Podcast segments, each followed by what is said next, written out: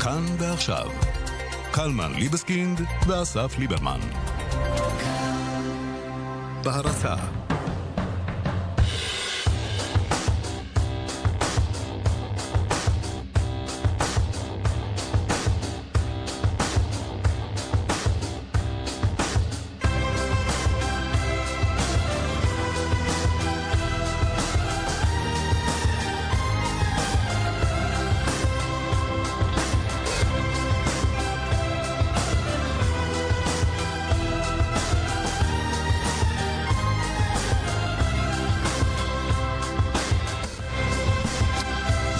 שבאת.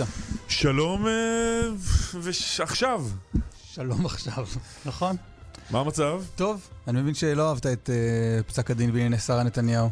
כך סיפרו לי מקורביי. לא, אה, קודם כל נגיד למי שלא פספס. מי שלא יושב ב- על הספסלים בבית משפט השלום, שיש בודדים כאלה. כן, בית המשפט נענה אתמול אה, באופן חלקי לעתירה שהגיש אה, ידידי ועמיתי אה, בן כספית, והורה לעיריית ירושלים למסור פרטים על ההעסקה, אה, חלק מה, מהבקשות למסור פרטים אה, על ההעסקה של שרה נתניהו כפסיכולוגית בעירייה, היקף המשרה שלה, כמה שעות עבודה היא עובדת בחודש, מתי התחילה לעבוד, שינויים שהיו ב...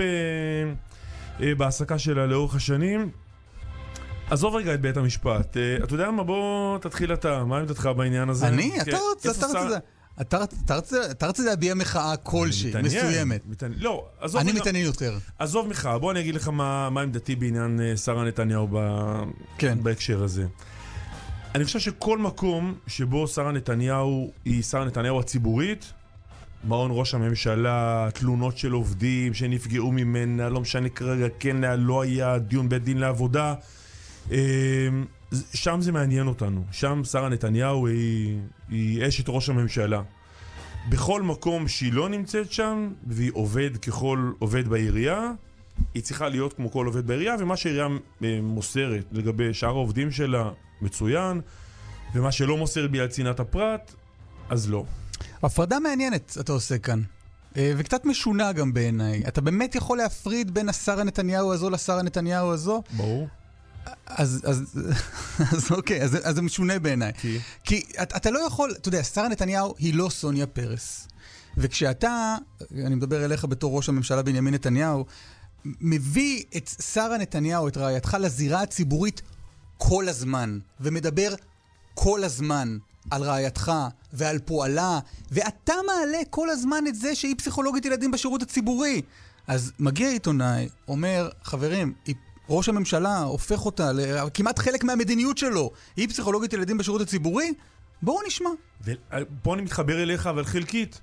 וזה נותן לך את הלגיטימציה לבוא אל ראש הממשלה ואל שרה נתניהו ולהגיד להם, חברים, תראו, אתם כל הזמן אומרים, היא פסיכולוגית ילדים, היא בשירות הציבורי, אז אתם תחשפו את כל הפרטים האלה, כי אתם הופכים אותה למשהו שחשוב לדבר עליו. כשאתה פונה לעירייה והעתירה היא נגד העירייה, העירייה לדעתי לא צריכה לתת יותר מאשר... אה, כי מבחינת העירייה, היא לא אשת ראש הממשלה, היא עובד פרטי. ואז יש את חוק חופש המידע. ואתה אומר, למה, למה היא עובד פרטי? חוק חופש המידע אה, פוגע באופן מסוים בפרטיות.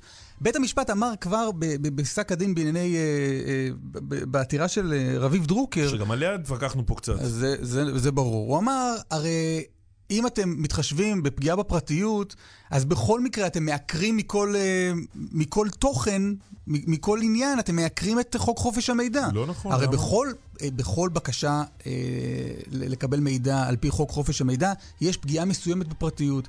גם אצל דרוקר וגם כאן, אומר בית המשפט, הפגיעה היא ממש מינורית. ו- ובית המשפט, אה, אתה יודע, נענה לב- לבקשתו של אה, חברך בן כספית באופן מאוד חלקי. אין שם את שעות העבודה ואין שם את בתי הספר שבהם שרה נתניהו מועסקת, אלא בסך הכל את מועד תחילת ההעסקה, את הגדרת היקף המשרה בשנה לא, האחרונה חשוב שעות. העבודה. זה פחות חשוב מה הוא נתן, מה הוא לא נתן. הפרטים האלה לא חשובים לי. חשוב לי שכל עוד אין פה שרה נתניהו ציבורית, היא תהיה אזרח פרטי. במקום שבו היא פוגשת את הציבור, או את הציבוריות, או את התפקיד הציבורי שלה, שם צריך לדעת עליה הכל. אוקיי, אמ, אנחנו באשטג קלמן ליברמן אה, בטוויטר, נשמח לשמוע את הערותיכם אה, בעניין הזה. וחוץ מזה, לקראת הכרעת בג"ץ בעניין מתווה הכותל, מעלה הרבנות טענה חדשה. לבית המשפט אין בכלל סמכות לפסוק בנושא. הסיבה על פי הרבנות היא שנושאים הקשורים במקומות הקדושים אינם בני שיפוט. נדבר עם העורך דין מטעם הרבנות שכתב את המסמך וגם עם הרב גלעד קריב מהתנועה הרפורמית. ורק נגיד שיהודה שלנזגר מביא את הסיפור הזה הבוקר בישראל היום. אה, עניין אחר, שני תומכים מפ... אה, מפתיעים במפגינים בפתח תקווה. נחש מי? אני יודע, אני לא רוצה לגלות, לקלקל למאזינים שלנו. ברוך מרזל ואיתמר בן גביר מבקשים להצטרף לדיון המשפטי היום ולתמוך בזכותם של המפגינים נגד היועץ המשפטי או נגד ראש הממשלה להפגין, אה, בכל אופן, אה, תומכים בזכות או בתביעה להפגין באזור ביתו של היועץ המשפטי. איתמר בן גביר יהיה איתנו uh, הבוקר. הליכודניקים החדשים ממשיכים להסעיר את המערכת הפוליטית בעקבות הפעילות של קבוצת חברי הליכוד שמבקשת לשנות את המפלגה מבפנים. עולה הצעת חוק חדשה. מי שישתתף בבחיר, בבחירות הפנימיות, בפריימריז של מפלגה, ייחשב כאילו בחר בה בבחירות לכנסת. ואז אין טעם שאדוני בכלל יגיע אל הקלפי. יואב קיש, חבר הכנסת מהליכוד, יהיה איתנו. הוא גם יוזם ההצעה, והוא גם פוליטיקאי שנתמך בעבר על ידי הליכודניקים החדשים. כן, ועוד כמה עניינים, גם יושבת ראש אה, מרצ זהבה גלאון שחזרה מפגישה ברמאללה עם אבו מאזן, ארה"ב נרגשת לקראת ליקוי חמה שיגרום לחושך מוחלט למשך שתי דקות ו-40 שניות, וגם נציין כאן 50 שנה לאלבום של החלונות הגבוהים. יש לנו גם uh, פתרון, פתרון לחידה. Uh, זה ש... הכי מעניין הבוקר. מי שנסע בימים האחרונים באיילון, אני מניח שנחשף לחידה הזו. מי עומד מאחורי שלטי הענק שם בכביש עם הכיתוב יהודי לא מגרש יהודי? Uh, פתרון החידה ממש, ממש בעוד כמה דקות, כאן אצלנו בשידור.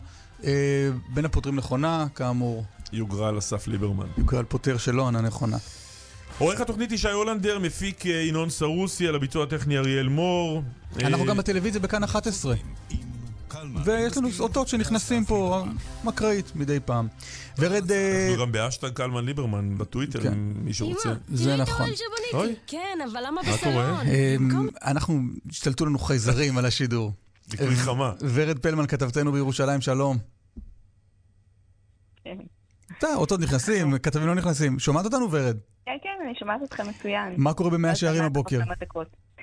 במאה שערים הלילה, אה, באזור מאה שערים, אה, כיכר השבת, רחוב אה, שומרי אמונים, הפרות סדר, אנחנו רואים את ההפרות סדר הללו מתמשכות בשבועות האחרונים, דיברנו גם על כך בתוכנית שלכם, ואתמול בלילה אה, אנחנו מדברים שוב על עשרות אה, חרדים שמנסים לחסום את הכביש בכיכר אה, השבת, מדרדרים פחים, מבעירים, כמובן מנסים לחסום תנועה של אוטובוסים במקום הזה, גם ברחוב שומרי אמונים לכיוון כביש אחת הירושלמי, כיוון דרך חיים בר-לב, וזה השם השני שלו המקומי. ושם בעצם באזור הזה גם מתעמתים אותם חרדים עם השוטרים, הם מיידים לעברם בקבוקים ואבנים. כתוצאה מכך המשטרה מדווחת על חמישה שוטרים שנפגעו uh, קל. ובאזור שכונת הבוכרים, לשם מגיע חייל לובש מדים. וכמו שאנחנו ראינו גם באירועים uh, אחרים, מתגודדים סביבו ומתחיל לזרוק לעברו שקיות עם נוזלים שונים. המשטרה מגיעה למקום ומחלצת אותו משם, ללא פגע. כל זה היה במשך uh, כמה שעות אתמול בלילה. אנחנו רואים את ההפרות סדר המתמשכות האלו כולם על רקע בעיקר נושא סביב נושא הגיוס. היו אתמול גם כן אה, מחאות ליד, אתמול אה, בצהריים, ליד לשכת הגיוס אה, בירושלים ברחוב רש"י. כך שכל הסיפור הזה עדיין טעון, גם תקיפות החיילים, אנחנו רואים אותן נמשכות, והסיפור הזה, להערכתי, כפי שאנחנו רואים אותו, לא ירד מסדר. ורד, עוד חצי מילה, מה קרה אתמול? למה זה, למה זה התפתח אתמול או הלילה? דווקא אתמול. כן. תראה, הדברים האלה נמשכים בשבועות האחרונים. בכל פעם נעצרים אה, אה, אברכים או צעירים, אה, חלקם אה, על רקע התפרעויות, חלקם על רקע אי גיוס או אי התייצבות אה, ללשכות, הגיוס, ללשכות הגיוס אה, לצה"ל, ולכן אה, אותם אה, חרדים יוצאים לרחובות.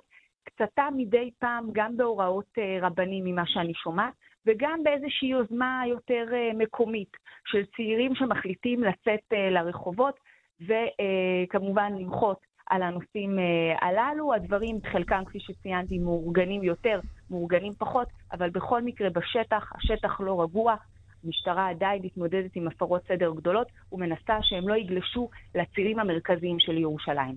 תודה, ורד. תודה. משה בלוי איתנו, צלם, תושב מאה שערים, שלום. שלום, בוקר טוב. היית עד להתרחשויות? הייתי עד לחלק מההתרחשויות המדוברות. מה ראית?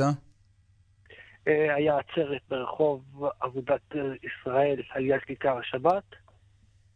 סרטן הילדים, האנשים הצעירים בפרט, עלו לכיוון כיכר השבת עם פח ודרדרו אותו לכביש, שרפו אותו.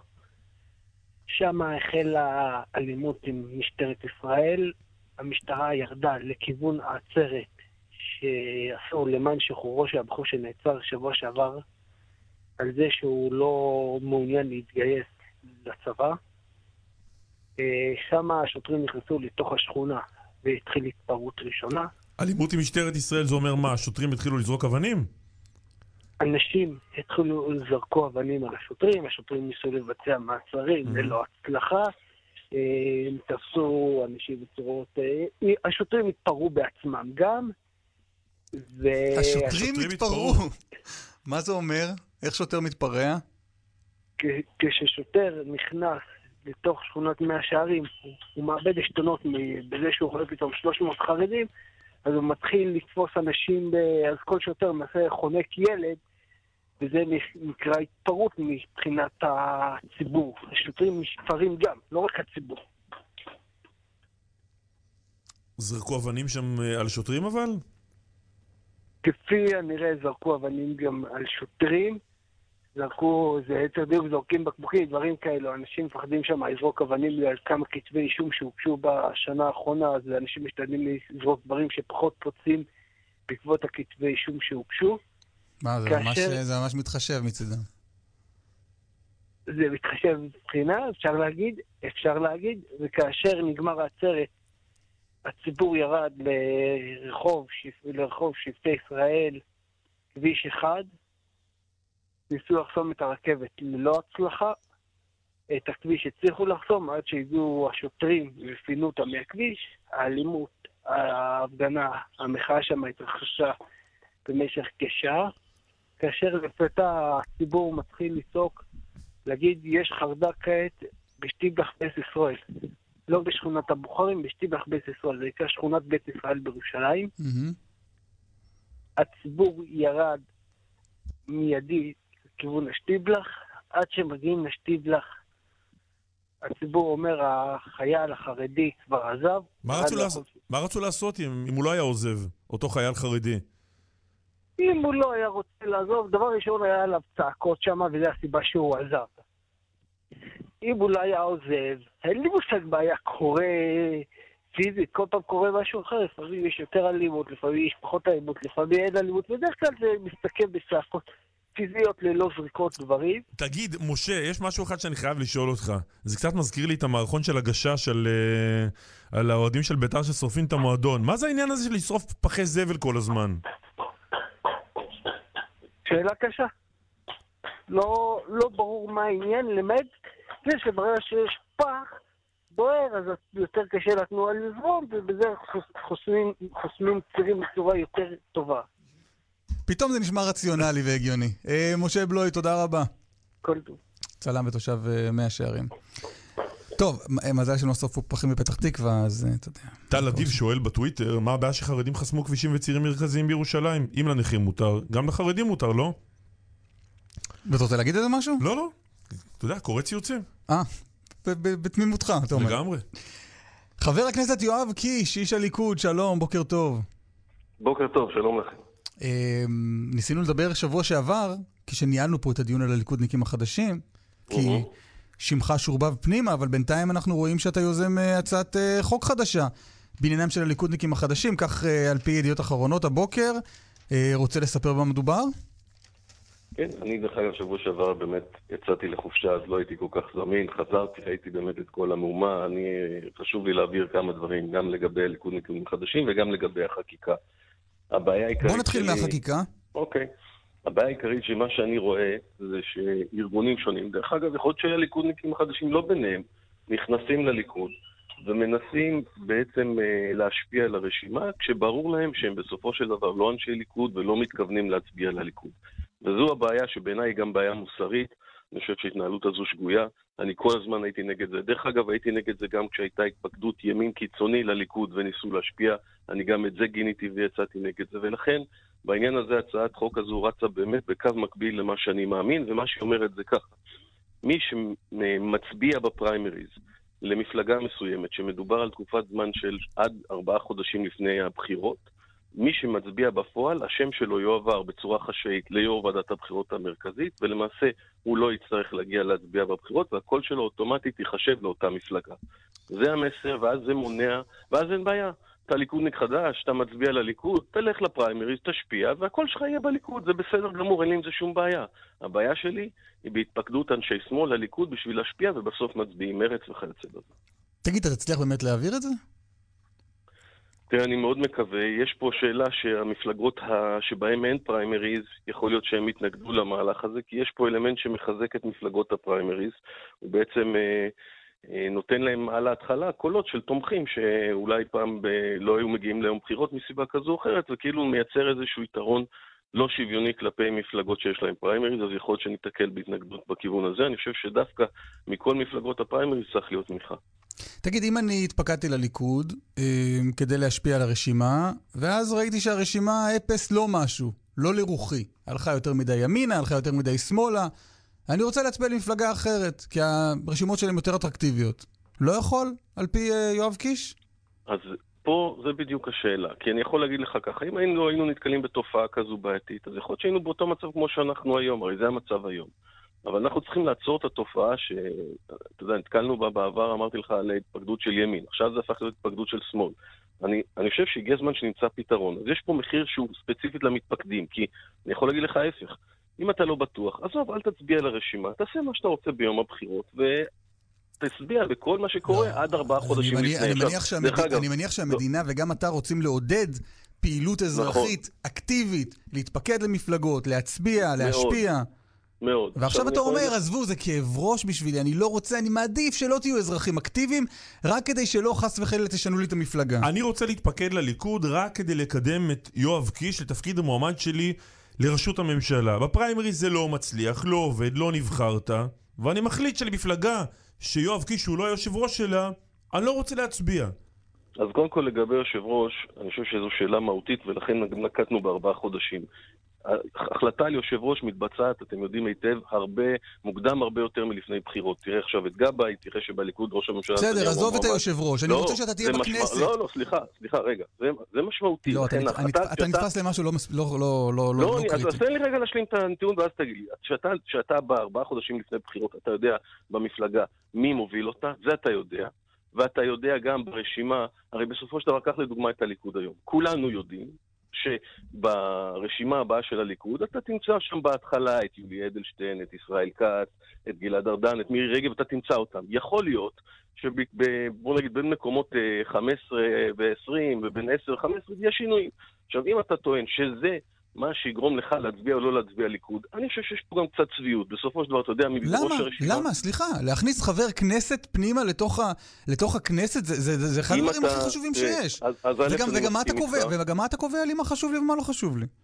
א', אני מסכים איתך, ברור שזה חשוב, ואני יכול להגיד לך שאני, אם לא היינו נתקלים בתופעה הזו, עכשיו זה לא פעם ראשונה, אני אומר לך עוד פעם, אתה יודע בדיוק כמוני, זה התחיל מהימין, מהימין זה נגמר, הוצאנו בליכוד פייגלין, מי שהיה לא ליכוד יצא, ואנשי ליכוד אמיתיים נשארו. זה היום התמונה בליכוד בעקבות המהלך שהיה, של ניסיון הימין להשתלט על הליכוד.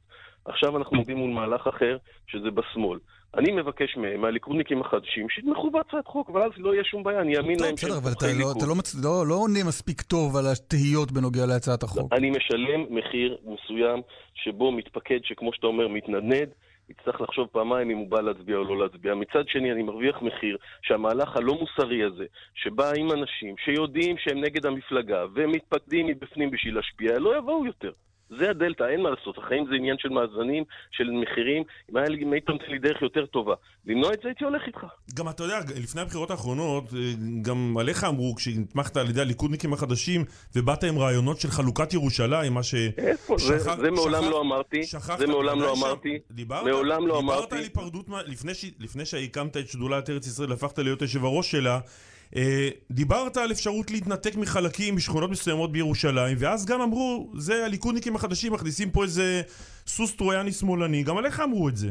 טוב, אז קלמן, תודה שאתה נותן לי לענות לעניין הזה שני. דברים. מעולם לא אמרתי על חלוקת ירושלים זה שקר. הדבר היחידי שאני מדבר עליו, ואני מדבר עליו גם היום, זה השכונות שמחוץ לגדר ההפרדה, להפריד אותן מירושלים ולקרוא להן מועצה מקומית נפרדת, ישראלית, לכל דבר, אבל לא חלק מירושלים. זה דבר שאני תומך בו היום, תוכנית של נדב שרגאי.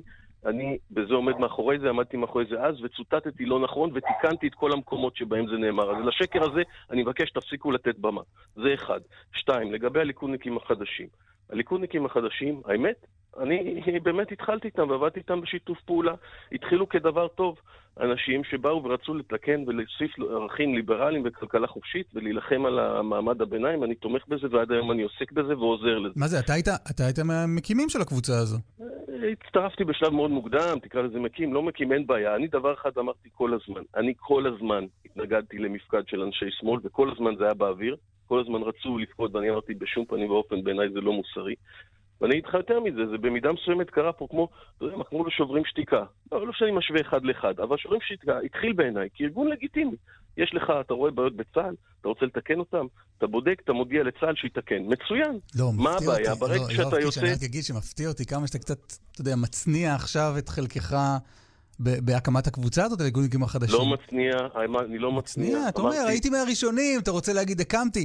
פוסט שלך מיום אחרי אני- ההיבחרות שלך בפריימריז, ב-2 בינואר 2015, אתה מדבר על החשיבות של קבוצה, על הכוח של הקבוצה, איך אפשר להשפיע מתוך קבוצה, ואז אתה אומר, עם ההבנה הזו, ואחרי המחאה של 2011, למען צדק חברתי, הקמתי קבוצה חדשה בליכוד, עם אנשים אכפתיים ופעילים, קבוצה שלא הייתה כמוה, קבוצה של בני מעמד הביניים שרצו לראות את המפלגה חוזרת לדבר בשפה חברתית וכלכלית ולפעול למענם ולא לאינטרסים צרים, הליכודניקים החדשים. מה, מה, מה מכל מה שאמרת לא אמרתי עכשיו נכון. אמרתי כל עוד הדיון היה סביב נושאים כלכליים וליברליים, אני הייתי שם במאה אחוז. אני לא מכחיש את זה. למה אתה אומר כאילו הכחשתי? אתה טועה באמירה שלך.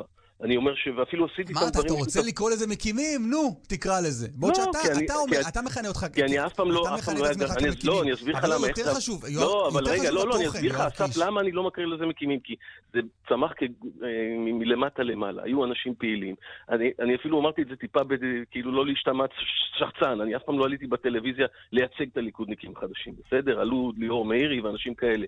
אני לא הייתי הנציג שלהם. אז לבוא ולהגיד עכשיו שאני מכיר, אולי זה יותר מדי. הייתי בין הראשונים, אני חושב שהרעיון היה נכון, אני הייתי שותף למחאה של 2011, שאז אמרנו, רגע, איך בואו נעשה את זה בליכוד? מי השתנה? אמרנו, מי השתנה? הליכודניקים החדשים או יואב קיש? הליכודניקים החדשים קרה שני דברים שבעיניהם יואב קיש לא נהיה רלוונטי. הם כל הזמן טענו, אנחנו לא מתעסקים בנושאים המדיניים, זה מחוץ ללופ, ובזה שאני בא ומתעסק בנושאים המדיניים, ובטח בתור איש ימין, זה היה בעיה גדולה מאוד בשבילהם, ופה התחיל הקרע. והבעיה השנייה, לתפיסתי, זה היה עוד לגיטימי כל עוד היה מדובר במפקד של אנשים שהם בעיקרון ליכוד, אתה יודע מה, בסביבה של הליכוד, אבל ברגע שזה הפך, וזה הגיע עכשיו למהלך של לפקוד אנשי שמאל, את המהלך הזה בעיניי הוא לא מוסרי, לא לגיטימי, אמרתי את זה כל הזמן על זה, היה לי ויכוחים קשים איתם, עם האנשים שהובילו שם את הפעילות בעניין הזה. דרך אגב, אני לא היחידי, יצאו מהם לא מעט קבוצות שעזבו אותם, כי לא מאמינים במהלך הזה. אבל אתה יודע, יואב קיש, אתה לא רוצה. שייכנסו אנשי שמאל לליכוד, כי העמדות שלהם הם לא עמדות הליכוד, והשאלה הזו היא נורא מעניינת. מה זה בכלל עמדות הליכוד? פעם הליכוד היה שתי גדות לירדן, היום יושב ראש הליכוד מדבר על מדינה פלסטינית. אולי גם הוא לא מתאים. איפה עמדות הליכוד בכלל? אני יכול להגיד הרי לך... מצע אין לכם. בוא, אל, אל תיתמם. אה, ברגע שבן אדם אומר שהוא מצביע מרץ והוא מתפקד לליכוד, זה בעיה. הם לא אומרים את זה. אנחנו לא שמענו אף לא אחד. אף אחד אז לא הנה, אז אין בעיה, שיתמכו בהצעת חוק, ואז באמת נראה שמי אבל שבא הצעת חוק להצביע... שלך לא בהכרח טובה. זה זה לא? מי ש... דיבר... אני יכול להגיד לך שזה. פותר הרבה בעיות, לא רק דרך אגב בליכודניקים קיש, החדשים, טוענים שיש כל מיני ארגונים שמשתלטים על הליכוד, אז בואו אותם ארגונים יהיו מחויבים עכשיו להצביע לליכוד. בסדר, אבל אתה יודע, זה לא שחור ולבן, שאתה אומר, או שאתה, מצביע, או שאתה באמת מצביע ליכוד כשאתה מתפקד לליכוד, או שאתה תומך בהצעת החוק. אותי לא שכנעת שהצעת החוק שלך באמת אה, אה, חפה מקשיים ומבעיות. אז בוא תתמודד איתם. הם אומרים, אנחנו ליכוד, אולי אתה לא ליכוד. אני אה, אשלם את מעשיי ופעולותיי בקרב אה, ציבור מתפקדי הליכוד, ואם, אה, כמו שאתה אומר, הליכודניקים החדשים יחליטו שזה שאני אה, מוביל אג'נדה ימנית ויושב ראש שדולת ארץ ישראל לא מתאים להם והם לא יבחרו בי, אז לא יבחרו בי, אבל אני אשלם ואיבחר על ידי ציבור המתפקדים של הליכוד. זה המשמעות, ועכשיו, איפה הבעיה האמיתית? ברגע שציבור המתפקדים של הליכוד כבר הופך להיות אה, אה, ציבור המתפקדים של מרץ, יש פה בעיה. פה יש בעיה לנו כאנשי ציבור, ואת העניין הזה אנחנו צריכים לתקן. חזרנו לאותה נקודה. אה, חבר הכנסת יואב קיש, הליכוד, תודה רבה. תודה רבה לכם. דן קלרמן, הוא מאנשי הליכודניקים החדשים. שלום דן. בוקר טוב. מה אתה אומר על הצעת החוק של אה, יואב קיש? ברמה העקרונית אין לנו בעיה, בעיה איתה. כמו שאתם אה, שאלתם את השאלות הקשות, וגם חבר הכנסת קיש תיאר, יש שם איזונים ובלמים שיש מה לדון עליהם. ב grand scheme of things זה לא כזה משנה, אנחנו מבינים שגם אם כל הליכודניקים החדשים יהיו פי שתיים ויצביעו לחד"ש או לעוצמה לישראל בשליש מנדט, בגדול זה לא משנה, לא שם נמצאת הבעיה. אשמח לתמוך בהצעות חוק אה, מהסוג הזה, או בהצעות חוק מהסוג של אה, פתק פתוח, שבאמת מחבר בין האזרח למפלגתו. בקיצור, אתם מתגייסים, מתגייסים כדי לסייע לחבר הכנסת יואב קיש לקדם את היוזמה שלו. לא מפריע האמירה ש... אה, שזה באמת מחזק את המפלגות הדמוקרטיות, זה משהו ש... שאנחנו נשמח לראות אותו קורה, כי באמת יש להם יתרון במערכות כאלה. אני חושב שיש פה כל מיני בעיות חוקתיות ו... וכדומה. אבל אתה, לא אומר, אתה אומר שהמשפטנים ישברו על זה את הראש, אתה מבחינתך, אין לך שום בעיה שמהרגע שהתפקדת לליכוד, ואתה התפקדת לליכוד, אז אתה אוטומטית גם מצביע לליכוד בבחירות הכלליות. אם אלה כללי המשחק, צריך לזכור שבן אדם שהתפקד לליכוד ומחליט שאת הקול שלו הוא שם פריימריז של הליכוד, בעצם ויתר על זכותו להשתתף בפריימריז ולהשפיע במשפ... במפלגה אחרת. בעיניי זה חלק מהחירויות הבסיסיות ש... של אזרח, כמו הזכות של אזרח אה, להחליט, כמו שאתם תיארתם לפני הבחירות. זה עניין של כללי משחק, ולהערכתי ולהערכתנו זה בשוליים. לא, לא שם נקודה. הנקודה הרבה יותר חשובה היא שאזרחים מתחילים להשתתף בבחירות, להיכנס לפריימריז, באמת לקחת חלק בתהליכים הדמוקרטיים, מה שבעצם הם לא עשו עד היום. השאירו את המגרש ריק לכל מיני קבוצות אחרות שלא מייצגות את האינטרס הציבורי הרחב, בטח לא את מעמד הביניים, וישבו בבית וקיפו. תגיד, דן, אנחנו uh, קוראים הרבה ביקורת שלכם על הרבה מאוד דברים שעושה הממשלה הזו, עושה הליכוד בתוך הממשלה הזו, עושה ראש הממשלה. מי בליכוד היום, מבין חברי הכנסת, מבין השרים, הוא כזה שאתם כן מתחברים אליו? תראה, צריך להפריד, אתה יודע, בין אה, התחברות אישית והתחברות אה, לכאלה שמובילים לא, לא אישית, לא, לא אם לא, לא אם אתה יושב לבירה בערב. רגע, אני, שנייה. לבין כאלה שמובילים קו מסוים לאורך הרבה שנים, שכמובן קראנו להזדהות איתו. הרבה מהאנשים שהובילו קו שהוא דומה לקו שלנו, קצת נדחקו החוצה מהליכוד. בסדר, היום, אם יש פריימריז, מי האנשים שאתה שמח ונלהב להצביע עבורם? תן לנו את הפתק שלך היום. שנייה. מה הדיל? לשיט... לשיטתנו, אה, ככל שאנחנו צומחים וגדלים, אנחנו נראה shift גם ברטוריקה וגם במעשים של חברי הכנסת לכיוון שלנו. ככל שאנחנו נגדל, יהיו יותר כאלה שיצטרכו אה, לעבוד למען הציבור שלנו. לא ליכודניקים חדשים, זה כאילו אתה כבר שנים בפוליטיקה עם ההתחמקות שלך מהשאלה המאוד פשוטה של קלמן. התשובה היא, התשובה היא מאוד פשוטה, אנחנו אומרים אותה תמיד. כרגע אין פריימריז ואין רשימה, אני לא אפילו לא יודע להגיד לך למי לבחור. לא, אבל כמובן אתה... שכל מי שדיבר... אבל יש לך הרי תפיסת עולם, אתה עוקב כאן פה ושם אחרי הפוליטיקה, יש דברים שמקובלים עליך, יש דברים שלא, זרוק לנו איזה שניים שלושה שמות. אל מי אתה מתחבר? אנחנו מוכרחים להגיד שאנחנו מפתחים uh, עם השנים בפעילות שלנו תפיסה קצת צינית בתחושה שלנו.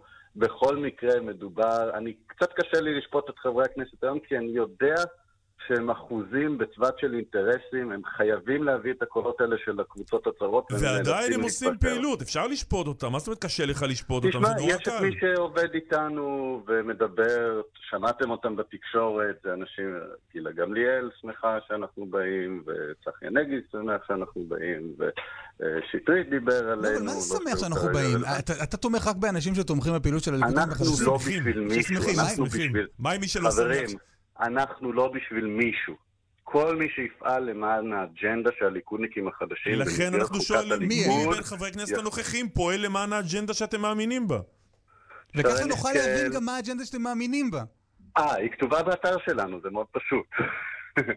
זה כתוב ומפורט, אבל בגדול זו אג'נדה ש... התחילה והסתובבה סביב הנושאים החברתיים, שוק חופשי, כלכלה פחות ריכוזית, פחות רגולציה ושחרור בצד של רשתות אה, הגנה מהותיות. התקדמה עם השנים יותר מסביב לנושא של אסף, הוא אומר לנו בעצם שהוא לא רוצה לענות את השאלה הזאת. ומה... אני לא יכול לענות עליה. מה שאתה לא יכול? בטח שאתה יכול, תנסה ותראה שאתה יכול. אני לא יכול. כי את, אנחנו לא קבוצה של איש אחד. יש אתה, אתה, אתה ברמה האישית, דן קלאר. אני לא יכול, אני לא מדבר כדן קלאר, אני מדבר כנציג הליכודניקים החדשים כרגע. ואתה אומר אין לנו רשימת מומלצים, בגלל זה אתה לא מתכוון. תהיה, אנחנו מגבשים אותה לקראת הפריימריז, שאנחנו מבינים... למה תהיה רשימת מומלצים? אמרת אנחנו לא קבוצה של איש אחד, תן לכל ה-12,000 שלך, אתה יודע, כל אחד שיעשה מה שהוא רוצה. למה מומלצים? מה, אתה קובע לכולם מה לעשות? הלוואי וזה היה כל כך פשוט. לא, אני לא יכול להכריח אף אחד לעשות כלום, אבל רוב האנשים, רוב האזרחים, אתה יודע, עסוקים ביומיום, ויש לא בקיאים, עוקבים אחרי הפוליטיקה. רגע, רגע, יש משהו שנקרא בורות רציונלית. הם צריכים ומבקשים מישהו שיגיד, שמע, יש פה 50 מועמדים, על חצי מהם לא שמעתי מימיי, אין לי מושג דן, תגיד לנו מה לעשות. לא, כן, אבל, אבל אז אה, אתם עלולים להמליץ להם על אדם אה, כמו יואב קיש, שהיום אתה נכון, אומר, עשינו טעות. מטעויות, מטעויות לומדים, איך, אנחנו איך לא את, חושבים איך, שזה איך תגרמו לזה שהטעות לא תקרה גם בפעם הבאה? תראה, יואב קיש, באמת, בלי להיכנס לצהוב. יואב קיש, בלי אה, להיכנס לשמות כמובן. לא, לא, בלי להיכנס לצהוב. הוא עשה את הבחירה הפוליטית שלו, להיבחר בארצית זה לא פשוט. אתה צריך ללכת להביא את הקולות של הקבוצות, של כל הקבוצות. הוא החליט שהוא פונה לסט של קבוצות מסוימות. זאת בחירתו, לנו זה כואב ברמה האישית. אה, אבל זה מה ש... כשאנחנו, במספרים שלנו היום, 12,000, זה לא יהיה רציונלי והגיוני להיכנס לכנסת ואז להסתובב, כי אתה לא תיבחר שוב. אין דרך אחרת. אני לא יכול לשלוט לחברי הכנסת, חוץ מלהגיד להם, חברים, אנחנו מסתכלים על מה אתם אומרים ומה אתם עושים, ככה וככה המספרים שלנו, תעשו את החשבון שלכם, אנחנו כבר רואים את הרטוריקה. דן, נצטרך uh, לעצור כאן. דן uh, קלרמן מהליכודיקים החדשים. Uh, תופעה פוליטית מעניינת שעוד נעקוב uh, ונשמע בה. תודה, דן. תודה רבה לכם. Uh, אנחנו קוראים לכולם להתפקד, להצטרף, לקחת חלק בדמוקרטיה, אנחנו פה. תודה. גם אנחנו פה. גם אנחנו פה. ואנחנו נהיה פה בעוד שתי דקות 36 שוב. עם אה, פתרון לחידה על שלטי הענק באיילון, עם הכיתוב יהודי לא מגרש יהודי, נספר מה זה. מיד חוזרים עם קלמן ליבסקינד ואסף ליברמן. בהרצה אמא, תראי את האוהל שבניתי. כן, אבל למה בסלון? במקום שיבנו בסלון אוהלים, קחו אותם לחוויה לילית בחניונים. רשות הטבע והגנים סוגרת את החופש ומזמינה אתכם לחוויה משפחתית ברשת חניוני הלילה. הנחה מיוחדת למנויי מטמון. לפרטים ולמגוון פעילויות נוספות, חפשו אותנו בפייסבוק או היכנסו לאתר. רשות הטבע והגנים בר המים תמי 4 במסלול הכל כלול. אחריות, תחזוקה, שירות, משלוחים והכל. החל ב-87 שקלים בחודש. הצטרפו, וכל המשפחה תשתה יותר מים. שטראוס מים, כוכבית 6944 או באתר. למחזיקי כרטיסי ויזה של קל ולאומי קארד, כפוף לתנאי מסלול הכל כלול לארבע שנים, על פי סקר שילוב I2R, מאי 2017. She may be the reason I survive. שרל אזנבור, מגדולי השנסונרים, בהופעה חד פעמית בישראל. 28 באוקטובר, כרטיסים פיליאן. הסחוס נשחק והברך כואבת. ארטרילגו, תרופה ללא מרשם לשיפור תפקוד והפחתת כאבי ברכיים ממושכים. מכיל גלוקוזמין סולפט קריסטליני. יש לעיין בעלון הצרכן לפני השימוש. כשאתה במינוס, סגור אותו עם מימון ישיר. חייג כוכבית 4 פעמים 5, ותוכל לקבל עד 80 אלף שקלים לסגירת המינוס בריבית אטרקטיבית. מימון ישיר. כפוף לתנאי החברה, אי עמידה בפירעון ההלוואה או בהחזר האשראי, עלול לגרור חיוב בריבית פיגורים והליכי הוצאה לפועל. צריכים הלוואה? לאומי קארד מציגה. הלוואה בחמש דקות. חייגו כוכבי 91-92. גם בהלוואות? תמיד לאומי קארד. אי עמידה בפירעון ההלוואה עלול לגרום חיוב בריבית פיגורים והליכי הוצאה לפועל.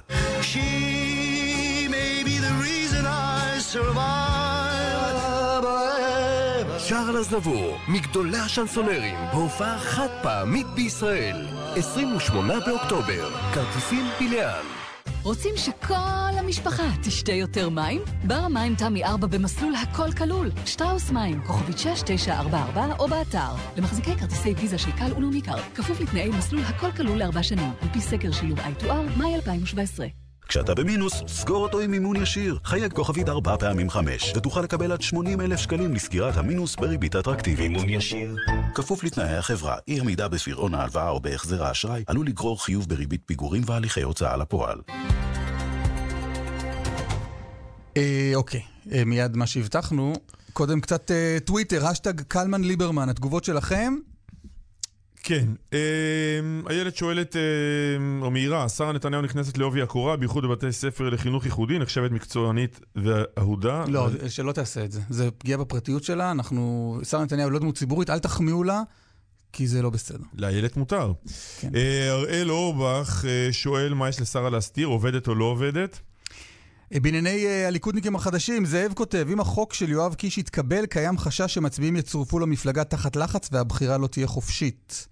אופיר כותב, החוק של קיש אה, הפופוליסטי, אין לו שום סיכוי לעבור.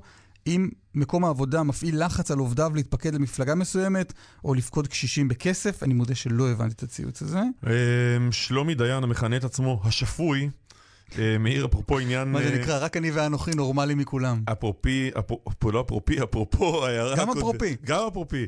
אה, הערה של מישהו לפני זה שקראנו, שאמר מה אתם מתרגשים מחרדים שחוסמים כבישים, גם הנכים, אז השפוי כותב כאן, גם לחרדים וגם לנכים מותר להפגין לפי החוק, להתעמת ולהרביץ לשוטרים, נכון. ממש לא. נכון.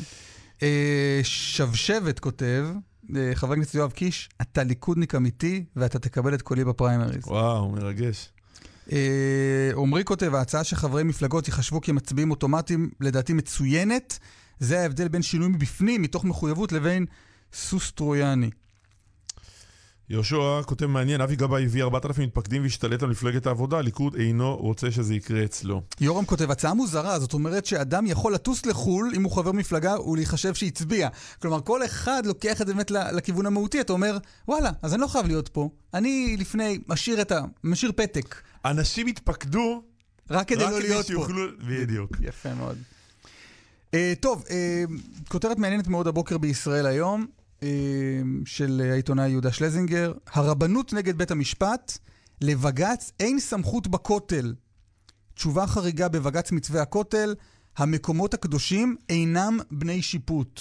העורך דין דורון טאובמן, הוא כתב את עמדת הרבנות לבג"ץ. שלום, עורך דין טאובמן. בוקר טוב. הסבר פרט ונמק. קודם כל זה לא חידוש. אה, אתה שואל אותנו? לא לא מה פתאום, אני קובע. אה, אתה קובע. אה, זה אוקיי. זה לא חידוש. כן. לא, לא. זה- חידוש זה לא, זה היה כך מאז ומתמיד. אה, החל מ-1924, אז ניתן דבר המלך שקבע שבית משפט לא יתערב בעניינים שקשורים לחופש הפולחן. עובר ל-1970. בג"ץ חוגים לאומיים קבע באופן מפורש שבית משפט לא יתערב בענייני חופש פולחן, להבדיל מזכות גישה. כמובן, אז דובר על אה, יהודים בהר הבית. וההלכה הזאת היא, למעשה קנתה שבט בפסיקה הישראלית עד היום. היא לא השתנתה, למעט איזשהו חריג אחד אה, בנושא של נשות הכותל. זאת אומרת, בנושא של מוסלמים זה לא השתנה, גם בנושא של נוצריים, אה, התערבות בכיתות נוצריות. אה, זה גם לא השתנה בנוגע למקומות אה, קדושים אחרים. בנוגע לנשות הכותל, אה, השופט אילון קבע איזושהי קביעה שלא חרגה מהלכת אה, חוגים לאומיים, אבל גם אחרי שהוא אה, דן, דן בנושא, בזקנותי הוא חזר בו לאחר מכן במאמר שאמר שיש מקום להרהר בדבר הת- התערבותו פעם נוספת. כלומר, זה בכלל לא חידוש, אבל לא מדבר איתכם רק על הפן ה- לא, אבל מה השאלה? כי, המהותי. את, כי אתם, ואתה, ב, ב, בעמדה הזו, אתה בעצם משווה בין מה שקורה אה, בהפרדה בין גברים לנשים בכותל, לבין למשל מה, קורה, מה שקורה ב, בתוך מסגד. אתה אומר, אה, הוא גם יאפשר לעדה המוסלמית לקבל את החלטותיה הדתיות בדבר ביטול או אי ביטול של נוהג חליצת נעליים בפתח מסגד אל-אקצא. נכון. עכשיו, נכון. מה הבעיה בדבר הזאת- הזה? שאתה יוצא מתוך נקודת הנחה שהכותל הוא קודם כל בית כנסת. יפה מאוד. והעמדה שאתה משמיע. כרגע, היא, היא העמדה, היא העמדה, היא העמדה של, אה, של נשות הכותל, שאומרות, יש מסגד, יש כנסייה, הכותל זה לא בית כנסת. היינו מכבדים כנסייה, היינו מכבדים מסגד, אבל uh, הכותל uh, זה איזשהו משאב ציבורי. אז אני בעמדה שלי, שאני מבין שהכתב uh, כתב את ה... כתבה קצרה, אני כתבתי 166 עמודים, במסגרתם אני... אי אפשר אה, הכל. ישראל היום יצא במוסף כן, מיוחד כדי לתאר את העמדה שלך. ארבעה ולא כרכים. סתם. כן, אני מבין. עכשיו, אה, אני הערכתי ופירטתי שגם מבחינה הלכתית וגם מבחינה היסטורית, אה, על פני אלפי שנים, יהודים ראו בכותל המערבי כבית כנסת. אכן בית כנסת, וזו שאלה מצוינת מה שאתה שואל, זאת אומרת, כי זו נקודת, נקודת אתה, מפתח. אתה, רואה, לא אתה, בית רואה, אתה רואה בכותל בית כנסת? אתה ברמה האישית שלך, לא, לא יודע אם אתה אדם מאמין או, או חילוני. ברמה האישית שלי. אני, אני, אני, אני בסטייל של קלמן. אה, מה, לובש. חולצות משובצות וסנדלים? מזעזעות, כן, כן. אה, תודה, תודה. לא, מה זה הסטייל של קלמן? אה, כלומר, אז אתה ברמה האישית, אתה אומר, אני- יהודי מאמין, אז אני אני כן. רואה בזה בית כנסת. אני אדם חילוני, ואני מסתכל על הכותל, ואני רואה בזה אתר היסטורי, אתר שקשור לזהות הלאומית שלי כיהודי, לא בית כנסת. אני לא רוצה שאתה תשווה בין הכותל לבין מסגד אל-אקצא. ואני מסכים, אני מסכים איתך לחלוטין שרחבת הכותל יש לה, אה, נקרא לזה שימושים שונים, יש לה גם את, ה, יש גם את הפן הלאומי כמובן יש לכותל, אבל בעיקר אנחנו מדברים פה על הממד של הקדושה, זה הממד הרלוונטי. כי אם אנחנו לא מדברים על ממד של קדושה, אז על מה אנחנו מדברים? הרי מדובר פה על שינוי סדרי פולחן. זאת אומרת, גם אה, לשיטות, לשיטות כולם מדובר כאן על פולחן דתי. זאת אומרת, לא על הממד הלאומי, אלא על הממד של הקדושה. אגב, הדברים שאני אומר כרגע, זה אמר שופט אנגלרד, לא אני. אבל באמת, לכותל יש הרבה מאוד אה, שימושים, נקרא לזה כך, ורחבת הכותל היא לא, כי אתה רחבה מכריח, ש- אתה מכריח הפרדה של כולם, לא רק של המתפללים. לא. כלומר, אני חלילה, הגעתי. לרחבת, אני הגעתי לרחבת הכותל, אתה אוטומטית מגדיר אותי כמתפלל, ואתה אוטומטית מפריד ביני לבין כל מי שאבוא איתה לרחבת הכותל. ככה היה עד היום, בתוך הרחבה אז עצמה. בדיוק. יש, יש, יש שני סוגים, יש את הרחבה העליונה, שהיא רחבה כלל ישראלית, מתקיימים בה טקסים, במעורב, אה, כל העולם מגיע לשם ומצלם את עצמו לדעת. אה, ויש את רחבת התפילה, כשמתקרבים, כן, כשמתקרבים אל אבני הכותל, זו רחבה של תפילה. אנחנו לא מבקשים, אנחנו לא מבקשים. הרבנות איננה מבקשת חלילה להדיר אף אחד, אה, אף אחד מה, אה, מהכותל המערבי, אבל כשמגיעים למקום הכותל, בואו נכבד את אה, כללי המקום. ואלה כללי המקום, אלה כללי הפולחן מימים ימימה. ואי אפשר לחלל אותו. תגיד, למה, למה אה, הרבנות אה, משתמשת בעורך דין פרטי כמוך? אמ, אני חושב שהעמדה של היועץ המשפטי, הוא לא רואה עין בעין את, ה, את הדברים כפי שרואה אותם הרבנות. אני חושב שמעולם אה, לא נידון הנושא הזה של הכותל מהפן, מהפן, ההלכתי, אה, מהפן ההלכתי שלו. לכל אורך הפסיקה, ולכל, גם יש גם מאמרים שמתייחסים לסוגיה הזאת, ומגיעים לתוצאות אה, זהות לתוצאה שאני הגעתי אליה. כך פרופסור ברק מדינה, פרופסור גביזון, שבאים ואומרים, יש את רגשות כל המתפללים. חופש הפולחן של כל מי שרוצה להתפלל הוא מלא. הוא יכול לקרוא את הסידור שלו ישר והפוך. יכול לעמוד ולגדף ולנאץ, גם הוא יכול לעשות, והרבנות לא מסתובבת עם מנגנומטרים של, אה, של הלכה לבדוק מי מתפלל. ומי לא מתפלל. כשמבקשים להפוך איזשהו סממנים פולחניים חיצוניים, אז אה, מבקשים לשנות את, ה, את הסדרים, בוא ועם נשמע, כל הכבוד. בוא נשמע לא מה. חושב על העניין הזה הרב גלעד קריב, מנכ"ל התנועה ליהדות מתקדמת. שלום, בוקר טוב. שלום, בוקר טוב לכם. אומרת הרבנות, כמו שבית המשפט לא מתערב בשאלה אם זה סביר או לא סביר לחלוץ נעליים בכניסה למסגד, או בהסדרי התפילה בכנסיית הקבר, אין שום סיבה שבית המשפט יתערב גם במה שנעשה בכותל מבחינה הלכתית. טוב, אז קודם כל אני חושב שאתה, קלמן בעצמך נתת חלק אה, מהתשובה. העובדה היא שהיועץ המשפטי לממשלה, פרקליטות המדינה, משרד המשפטים, בעצם ממשלת ישראל לא מקבלת את הטענה שלבג"ץ אין כל סמכות לדון בעניין, אה, בעניין הכותל. והאמת היא שקל להפריך את הטיעון המשפטי הזה. בג"ץ כבר אה, דן, וחברי ציין את זה, דן יותר מפעם אחת במה שקורה בכותל המערבי, ובצדק. אנחנו נמצאים בעידן שבו ישנן זכויות חוקתיות מוגנות. הערכים של חופש דת הם ערכים, אה, הם ערכים מוגנים, ולבית המשפט יש כאן תפקיד. אבל מעבר לטיעון המשפטי, לא, זהו, שבעיניי- עזוב רגע את הטיעון המשפטי, הרב. רוצה לומר... תסביר מה אז אני- ההבדל בין מסגד לבין, או כנסיית הקבר לבין אה, רחבת הכותל. אני רוצה להציע את הדבר הבא. כאשר אה, אה, מיליוני מתפללים, נוצרים או מוסלמים, לא יוכלו לממש את זכותם לנהוג על פי מנהגם באחד מהאתרים המקודשים לדתות האחרות, אני מניח שגם אז בג"ץ יידרש, אה, יידרש לעניין. אם מישהו הגיש? עתירה לבג"ץ, הרב גלעד קריב... לא- לא, לא, שנייה, שנייה. אם מישהו יגיש עתירה לבג"ץ, מישהי תגיש עתירה לבג"ץ ותטען שהיא, אה, לא נותנים לה כאישה להתפלל במסגד שעל הר הבית באופן שהיא רוצה, בג"ץ אה, יתערב בעניין הזה אני לדעתך? רוצה, אני, רוצה, אני רוצה להזכיר לך על מה אנחנו מדברים כרגע. אנחנו לא מדברים על מישהי שדורשת להתפלל כרגע כמנהגה באמצע רחבת הגברים. אנחנו מדברים על מצב אחר לגמרי. יש מיליוני יהודים בעולם, בארץ, שמנהג התפילה שלהם הוא לא המנהג של אה, לא, הרב אבל לא הראשי זאת לישראל. השאלה. השאלה אם בג"ץ יתערב. לא חשוב עכשיו מי בג"ץ- צודק, יכול להיות שאתם בג"ץ- צודקים בוויכוח. השאלה אם בג"ץ- בג"ץ יתערב בזה. השאלה במה שנעשה במסגד אל-אקצא. זה ממש לא השאלה. השאלה האם בג"ץ, שהוא בית המשפט של המדינה היהודית והדמוקרטית שלנו, יתערב במצב שבו נמנע ממיליוני יהודים רפורמים וקונסרבטיביים להתפלל כמנהגם, ושאלה יותר חשובה, האם אחרי ארבע שנים של משא ומתן, שבסיומם הגענו לתוצאה שמאפשרת לכולם לחיות על פי מנהגם, הסכם שלא מבקש לשנות שום דבר ברחבות התפילה האורתודוקסית. לא, אבל אין לך תשובה מבקש- לטיעון שהחד- החדש שהרבנות מעלה בפני בית יש המשפט. לי תשובה. בית המשפט היא? העליון כבר סטה מההלכה הזו. בית המשפט העליון כבר קבע שיש לו סמכות לדון בענייני הכותל. כאשר תגיע השאלה של אל-אקצא, בית המשפט יתכבד וידון בענייני אל-אקצא. ולדעתך בית המשפט יצטרך להתכבד ולדון בענייני אל-אקצא או אני- בענייני הסדרי אני- התפילה בכנסיית אני הקבר? בעיניי, בית המשפט העליון במדינת ישראל צריך לדון בכל עניין של זכויות אדם בישראל. אני כרגע עוסק בשאלת הכותל, ובואו לא נטשטש את העובדה, הדיון הוא לא משפטי.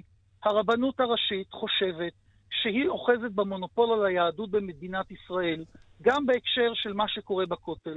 המונופול הזה לא ניתן לה בכוח החוק, המונופול הזה נלקח על ידה. אנחנו הגענו לפשרה היסטורית שיכולה להפוך את הכותל להיות מקום שמסמל את האחדות של העם היהודי, למרות הזרמים הדתיים השונים שפועלים בתוכו. וכרגע ישנה אה, קבוצה, ממסד, שמבקש פשוט לחסל הסכם פשרה היסטורי, ובלחץ המפלגות החרדיות, הממשלה נסוגה מהעניין הזה. אין אף אחד שמבקש להפריע ליהודים האורתודוקסים להתפלל כמנהגם בכותל. השאלה היא אחת, האם בצד רחבות התפילה האורתודוקסיות יכולה וצריכה להיות רחבה שתשרת את היהודים הרפורמים והקונסרבטיביים, okay. שהם בוודאי לא מיעוט בעולם היהודי. עכשיו אני רק אומר עוד דבר אחד על הטיעון המשפטי. לא בכדי הרבנות הראשית בעצם טוענת ששר הדתות במדינת ישראל הוא היורש של הנציב העליון. ולא במקרה הם משתמשים בפסיקה מנדטורית, מכיוון שכל העמדה שלהם היא עמדה אנטי-ציונית. היא עמדה שחותרת תחת הרעיון שמדינת ישראל היא הבית הלאומי של כל היהודים, ויפל על הרבנות, ויפל על הרבנות, שמסתמכת על פסיקה מנדטורית, ובעצם טוענת שבישראל עדיין מתפקד היום נציב עליון של טוב, השלטון. אנחנו מיד נחזור אליך, גלעד קריב. אה, לדעתי, אם שמעתי נכון, עורך דין כן. אה, אה, טאומן רוצה להגיב על זה. כן, טוב, אני לא יודע איזה פסיקה מנדטורית אני... לא כתבתי על פסיקה מנדטורית, אין לי אפילו פסק דין מנדטורי אחד. אה, נשאלה פה. שאלה חשובה, גם לא. אה, נשאלה פה אה, שאלה, וזה מתחבר אולי לאייטם הקודם שלכם, על, על חבר הכנסת קיש, סבא שלו, אתם יודעים מי היה? קולונל קיש. הוא עמד. הוא היה יושב ראש הסוכנות בזמנו, ב-1929, בעקבות מאורעות הכותל, מכונים גם, מכונים גם מאורעות תרפ"ט, אה, ישבה הסוכנות היהודית, יחד עם כל ראשי היישוב, יחד עם הרבנים הראשיים, אל מול חבר הלאומים. בוועדה שישבה והוציאו מסמך של 70 עמודים, מסמך מאוד מאוד מפורט ומקיף, שהוגש לחבר הלאומים, לאומים, מסמך דתי לגמרי, שקובע בסופו של דבר, המעשה המבוקש, הכותל פתוח לכל יהודי באשר הוא יהודי. ומי שקובע את סדרי הפולחן בכותל היא הרבנות הראשית. כך היה מאז ומתמיד, וכך גם קבוע בחוק. עכשיו, מהבחינה הזאת שהרבנות השתלטה, והרבנות השתלטו על רבנות גורמים קיצוניים וכדומה, כל האמירות האלה הן אמירות שאינן נכונות. טוב. אוקיי. הם נועדו, נועדו ליצור כיתתיות עורך דין אה, בעם. דורון טאומן, אני צריך לעצור כאן. אה, תודה רבה על הדברים האלה. אה, הרב קריב, אתמול חזרתי מהאולפן לתל אביב, עברתי באיילון, ראיתי שלטי ענק שכתוב עליהם יהודי לא מגרש יהודי. צלצל אליי אסף, שאל אותי מי לדעתך עומד מאחורי העניין הזה, אמרתי לו, "אה, אריק שרונים. יש לך אולי מידע בנושא? אז אה, אני מניח שבשעות הקרובות כל מי שייסע באיילון יוכל לראות שהשלטים אה, מחליפים את אה, צורתם למילים יהודי לא מגרש יהודי מהכותל המערבי. מדובר בחלק מהקמפיין שלנו בנושא הכותל, כי זה המצב היום. הממסד הרבני, החרדי, המתחרד, אני אחזור ואומר, הלא ציוני, עסוק בלגרש מיליוני יהודים מלהגיע לכותל ולהרגיש שזהו, אה, שזהו ביתם. לקחתם את הסלוגן הזה מסיפור ההתנתקות, אתה, אה, אתה התנגדת להתנתקות אז? אני לא, אני לא התנגדתי להתנתקות, לתנועה הרפורמית לא, לא הייתה כי, עמדה... כי, אם, כ- כי אם ככה, כי בסוף יהודי גירש שם יהודי, ויכול להיות שלקחתם פה בשביל, למען עצמכם אה, סלוגן לא טוב. לא, אני אומר לך למה לקחנו יגידו לכם, סלוגן. כמו אני שגירשו שם, לך- יגרשו גם אותך. אני אומר לך, א', כבר מגרשים אותי, זה קודם כל. ולה, מגרשים אותנו. הרבנים שלנו לא מוכרים, היהודים אה, אה, שאנחנו אה, מייצגים מגיעים לכותל ומרגישים שכופים עליהם מנהגים שלא שלהם ולא מוכנים להם לתת מקום. מדינת ישראל עסוקה הרבה מאוד שנים, ובמיוחד בשנה האחרונה בהתנכרות למיליוני יהודים, אבל אני אומר לך רק למה הסיסמה הזאת מצוינת. מכיוון שאותם חוגים שמרבים לדבר על כך שמדינת ישראל צריכה להיות מדינת כל העם היהודי, והממשלה שיוזמת חקיקת חוק לאום. שיצהיר את זה במילים גדולות, עסוקה בלגרש מיליוני הרב יהודים מהכותל גלעד המערבי. קריב, מנכ"ל התנועה ליהודית מתקדמת, תודה רבה. תודה. מיד חוזרים עם קלמן ליבסקינד ואסף ליברמן. בהרצה ארבע אגדות על במה אחת. הטרמולוס, המרמלדה ונטיפר וסטיבליס. תשעה בדצמבר, היכל מנור המבטחים. כרטיסים בלאן. שריונית חוסן, דלתות כניסה ודלתות פנים כבר 40 שנה. שריונית חוסן, הדור הבא כבר כאן, שריונית ועכשיו, מבצעים מטורפים. כל דלתות הכניסה ודלתות הפנים ללא מע"מ. כפוף לתקנון. כוכבי 9853. רבים שואלים אותי, מה הם גופי תאורת לד? ובכן, אלו גופי תאורה עשויים אלומיניום שאפשר לעצב בכל גודל, צורה או צבע. גופים אלו יכולים להיות שקועים, צמודי קיר או מרחפים בחלל הבית. כאן ליד קופלנד מבלקולד. מעוניינים לשדרג את הבית או המשרד? מחפשים תאורה חסכונית, מעוצבת ומאירת עיניים? חפשו בגוגל ויהי אור, או התקשרו לבלקולד. 1-840-30-40 עשינו יום הולדת לילד בגן, קיבלנו מתנות מביכות. חבל ששירביט לא בגן כלנית. הם נותנים חודש מתנה בביטוח הדירה. חייגו, כוכבית 2003 שירביט. זאת מתנה. שירביט. מקהלת הצבא האדום המקורית על שם אלכסנדרוב מגיעה להופעות בישראל עם מופע תקומה מדהים מ-24 עד 28 באוקטובר בתל אביב ובחיפה בהשתתפות ירדנה ארזי ודודו פישר. להזמנת כרטיסים בקופת לאן חייגו כוכבית 8780. שלושה סוגי אנשים רוצים לעבור לדיור מוגן. אלה המחפשים חיי תרבות וחברה מגוונים ועשירים, אלה המחפשים ביטחון אישי, ביטחון רפואי ומענה לבדידות, ואלה המחפשים את הכל יחד. כאן חיים ברקן מבית גיל פז בכפר סבא. לנו יש מענה לכל מה שאתם מחפשים. ביטחון אישי, ביטחון רפואי וחיי חברה מלאים בתוכן. בואו לבקר. אני מאמין שתרצו להישאר. לפרטים 1-755-70-80 ארבע אגדות על במה אחת. הטרמולוס, המרמלדה ונטיפר וסטיבליס. תשעה בדצמבר, היכל מנור המבטחים. כרטיסים בלאן. גבר, אותי לימדו, נותנים לך, תיקח, מרביצים לך, תברח. אבל מבצע כזה בשירביט, אתה מוכרח. עד 30 אחוזי הנחה בביטוח הרכב. מה, לא תיקח? חייגו, כוכבית 2003. שירביט.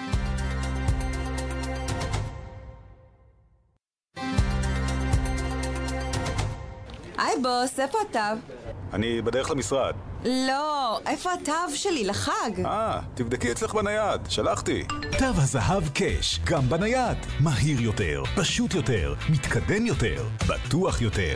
לפרטים חייגו 1-800-692-692, כפוף לתקנון. הקיץ יהיה קיץ של זהב, הקיץ תהיה שמש של זהב, הקיץ יהיה ים של זהב, הקיץ יהיה שמח עד הגג. עם בית"לי, מושך לכיש, עם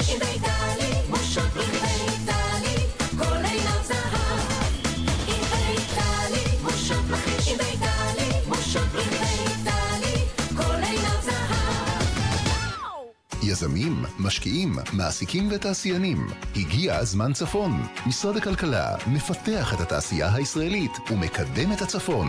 מגוון תמריצים, מסלולים ייחודיים והטבות יוענקו לכם במסגרת התוכנית לקידום הצפון של משרד הכלכלה. אנחנו משקיעים וזה שווה לכם המון. פרטים באתר משרד הכלכלה והתעשייה. משרד הכלכלה, כלכלה חזקה בשבילך. 670 דירות סטודנטים להשקעה כבר נמכרו במיזם פרי פלייס רחובות. נותרו 80 דירות אחרונות מ-690 אלף שקלים. לפרטים חייגו כוכבית 5066. פרי נדל"ן. שמש, מנגו, קפה קר, בריכה. הקיץ הוא העונה, עד שהיתושים נכנסים לתמונה. היתושים לא רק מעצבנים, הם גם מסוכנים. עקיצת יתוש עלולה לגרום למחלת קדחת מערב הנילוס או לתופעות אחרות. בקיץ נלחמים ביתושים, מייבשים מקורות מים עומדים ואת תחתיות העציצים. נעזרים בתכשירים מרחיקי יתושים וברשתות, ומדווחים במקרה הצורך לרשויות. לפרטים על דרכי המניעה, היכנסו לאתר המשרד להגנת הסביבה. חזק, חזק, חזק! שבוע טורבו באופל נמשך בכל הכוח. ימי מכירות חזקים במיוחד של המכוניות הכי יפות וחזקות של אופל.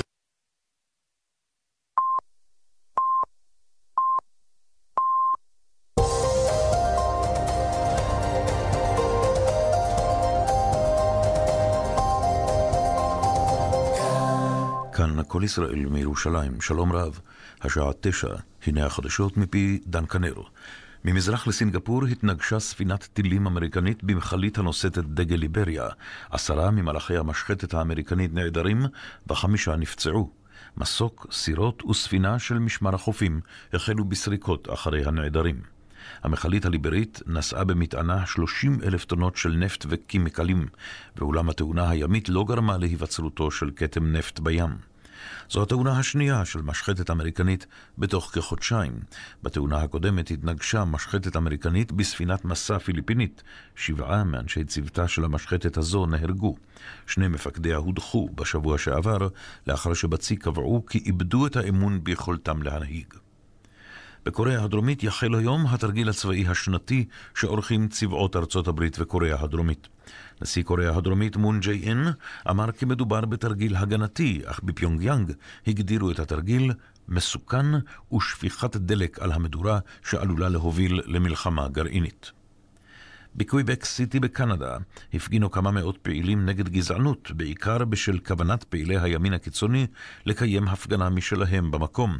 פעילי הימין הקיצוני לא הצליחו לארגן מפגינים רבים. הפעילים הליברליים התעמתו עם כוחות המשטרה, שביקשו להפריד בין שתי ההפגנות. משהתגברו העימותים עם המשטרה, היא הכריזה על הפגנת הליברלים בלתי חוקית. קנצלרית גרמניה, אנגלה מרקל, מותחת ביקורת על שלטונות טורקיה שהוציאו צו מעצר בינלאומי לסופר גרמני ממוצא טורקי. לדבריה, שלטון ארדואן עשה שימוש בלתי ראוי בסמכויות של אינטרפול.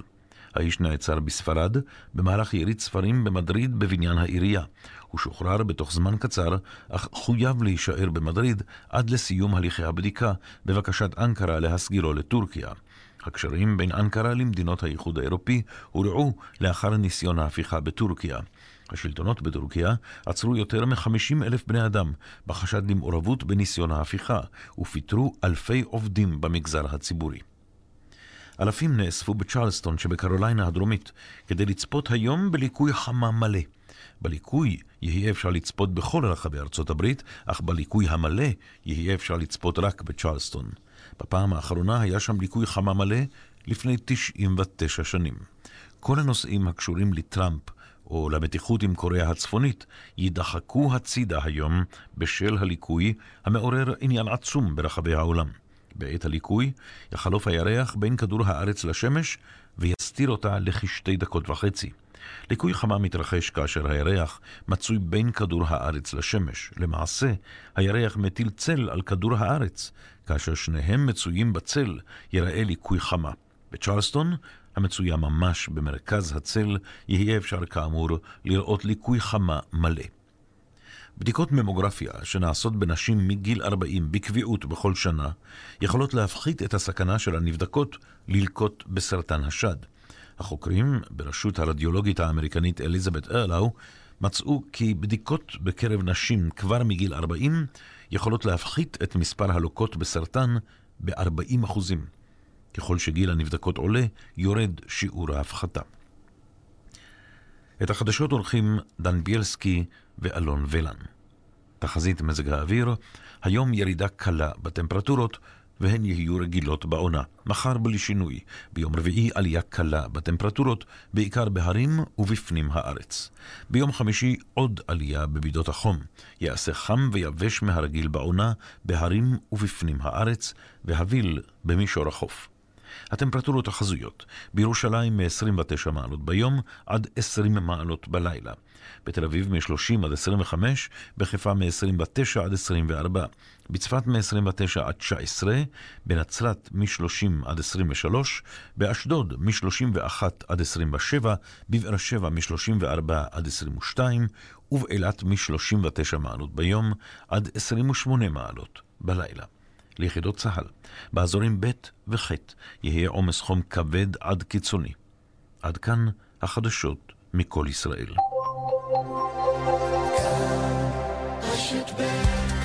כאן ועכשיו, קלמן ליבסקינד ואסף ליברמן.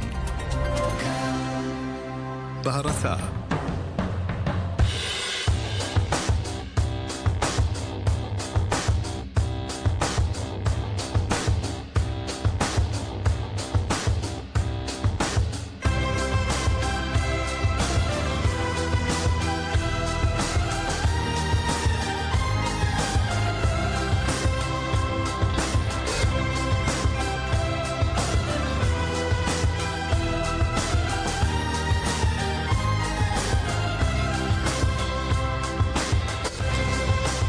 שעה שנייה, עוד רגע זהבה גלאון תהיה איתנו ותספר על חוויותיה מרמאללה והאם מדובר ביעד תיירותי מומלץ לחודשי הקיץ. אבל קודם אולי כמה ציוצים מטוויטר, השטג קלמן ליברמן. יאללה. אה, יש איזה דיון שעוסק בשאלה למה אני עם אוזן אחת באוזניות ואתה עם שתיים. מי שמתעניין בנושא מוזמן. אני שואל את זה כבר שלושה חודשים, אולי אתה יכול לתת תשובה. אתה מוזמן להיכנס לטוויטר אה, ולקרוא, יש שם אוקיי. דברים חכמים.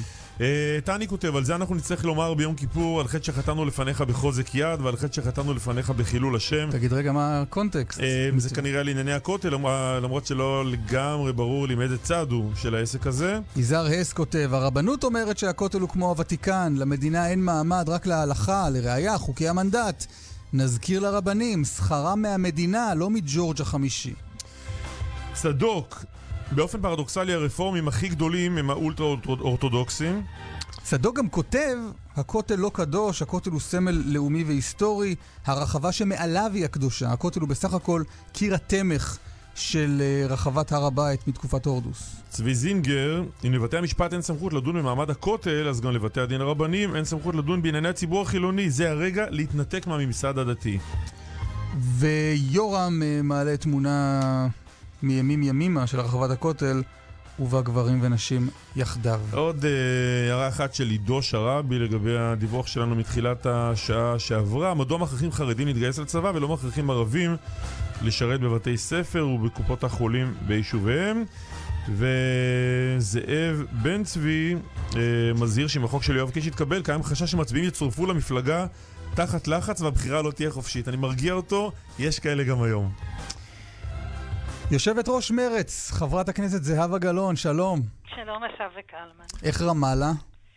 האמת שרמאללה מעניינת למי שלא היה בה בשנים האחרונות, היא השתנתה. יש בה המון בניינים לגובה, היא נראית חצי עיר מערבית, עם חנויות עם בגדים מעניינים, אבל לא הייתי חושבת שזה היעד התיירותי המועדף. למה לא? כי אני מכירה כמה יעדים קצת יותר מעניינים, כמה איים יווניים, למשל קרובים, שעה נסיעה אפשר לקפוץ והחיים נראים אחרת. או פתח... סוכנות, סוכנות הנסיעות. או פתח תקווה עיר, שהפכה להיות, שהפכה להיות יעד אה, תיירותי נכון, מאוד משמעותי. בזמן האחרון. מעולם לא הייתה לפתח תקווה כזו עדנה כמו עכשיו. של מי הייתה היוזמה להיפגש עם אבו מאזן?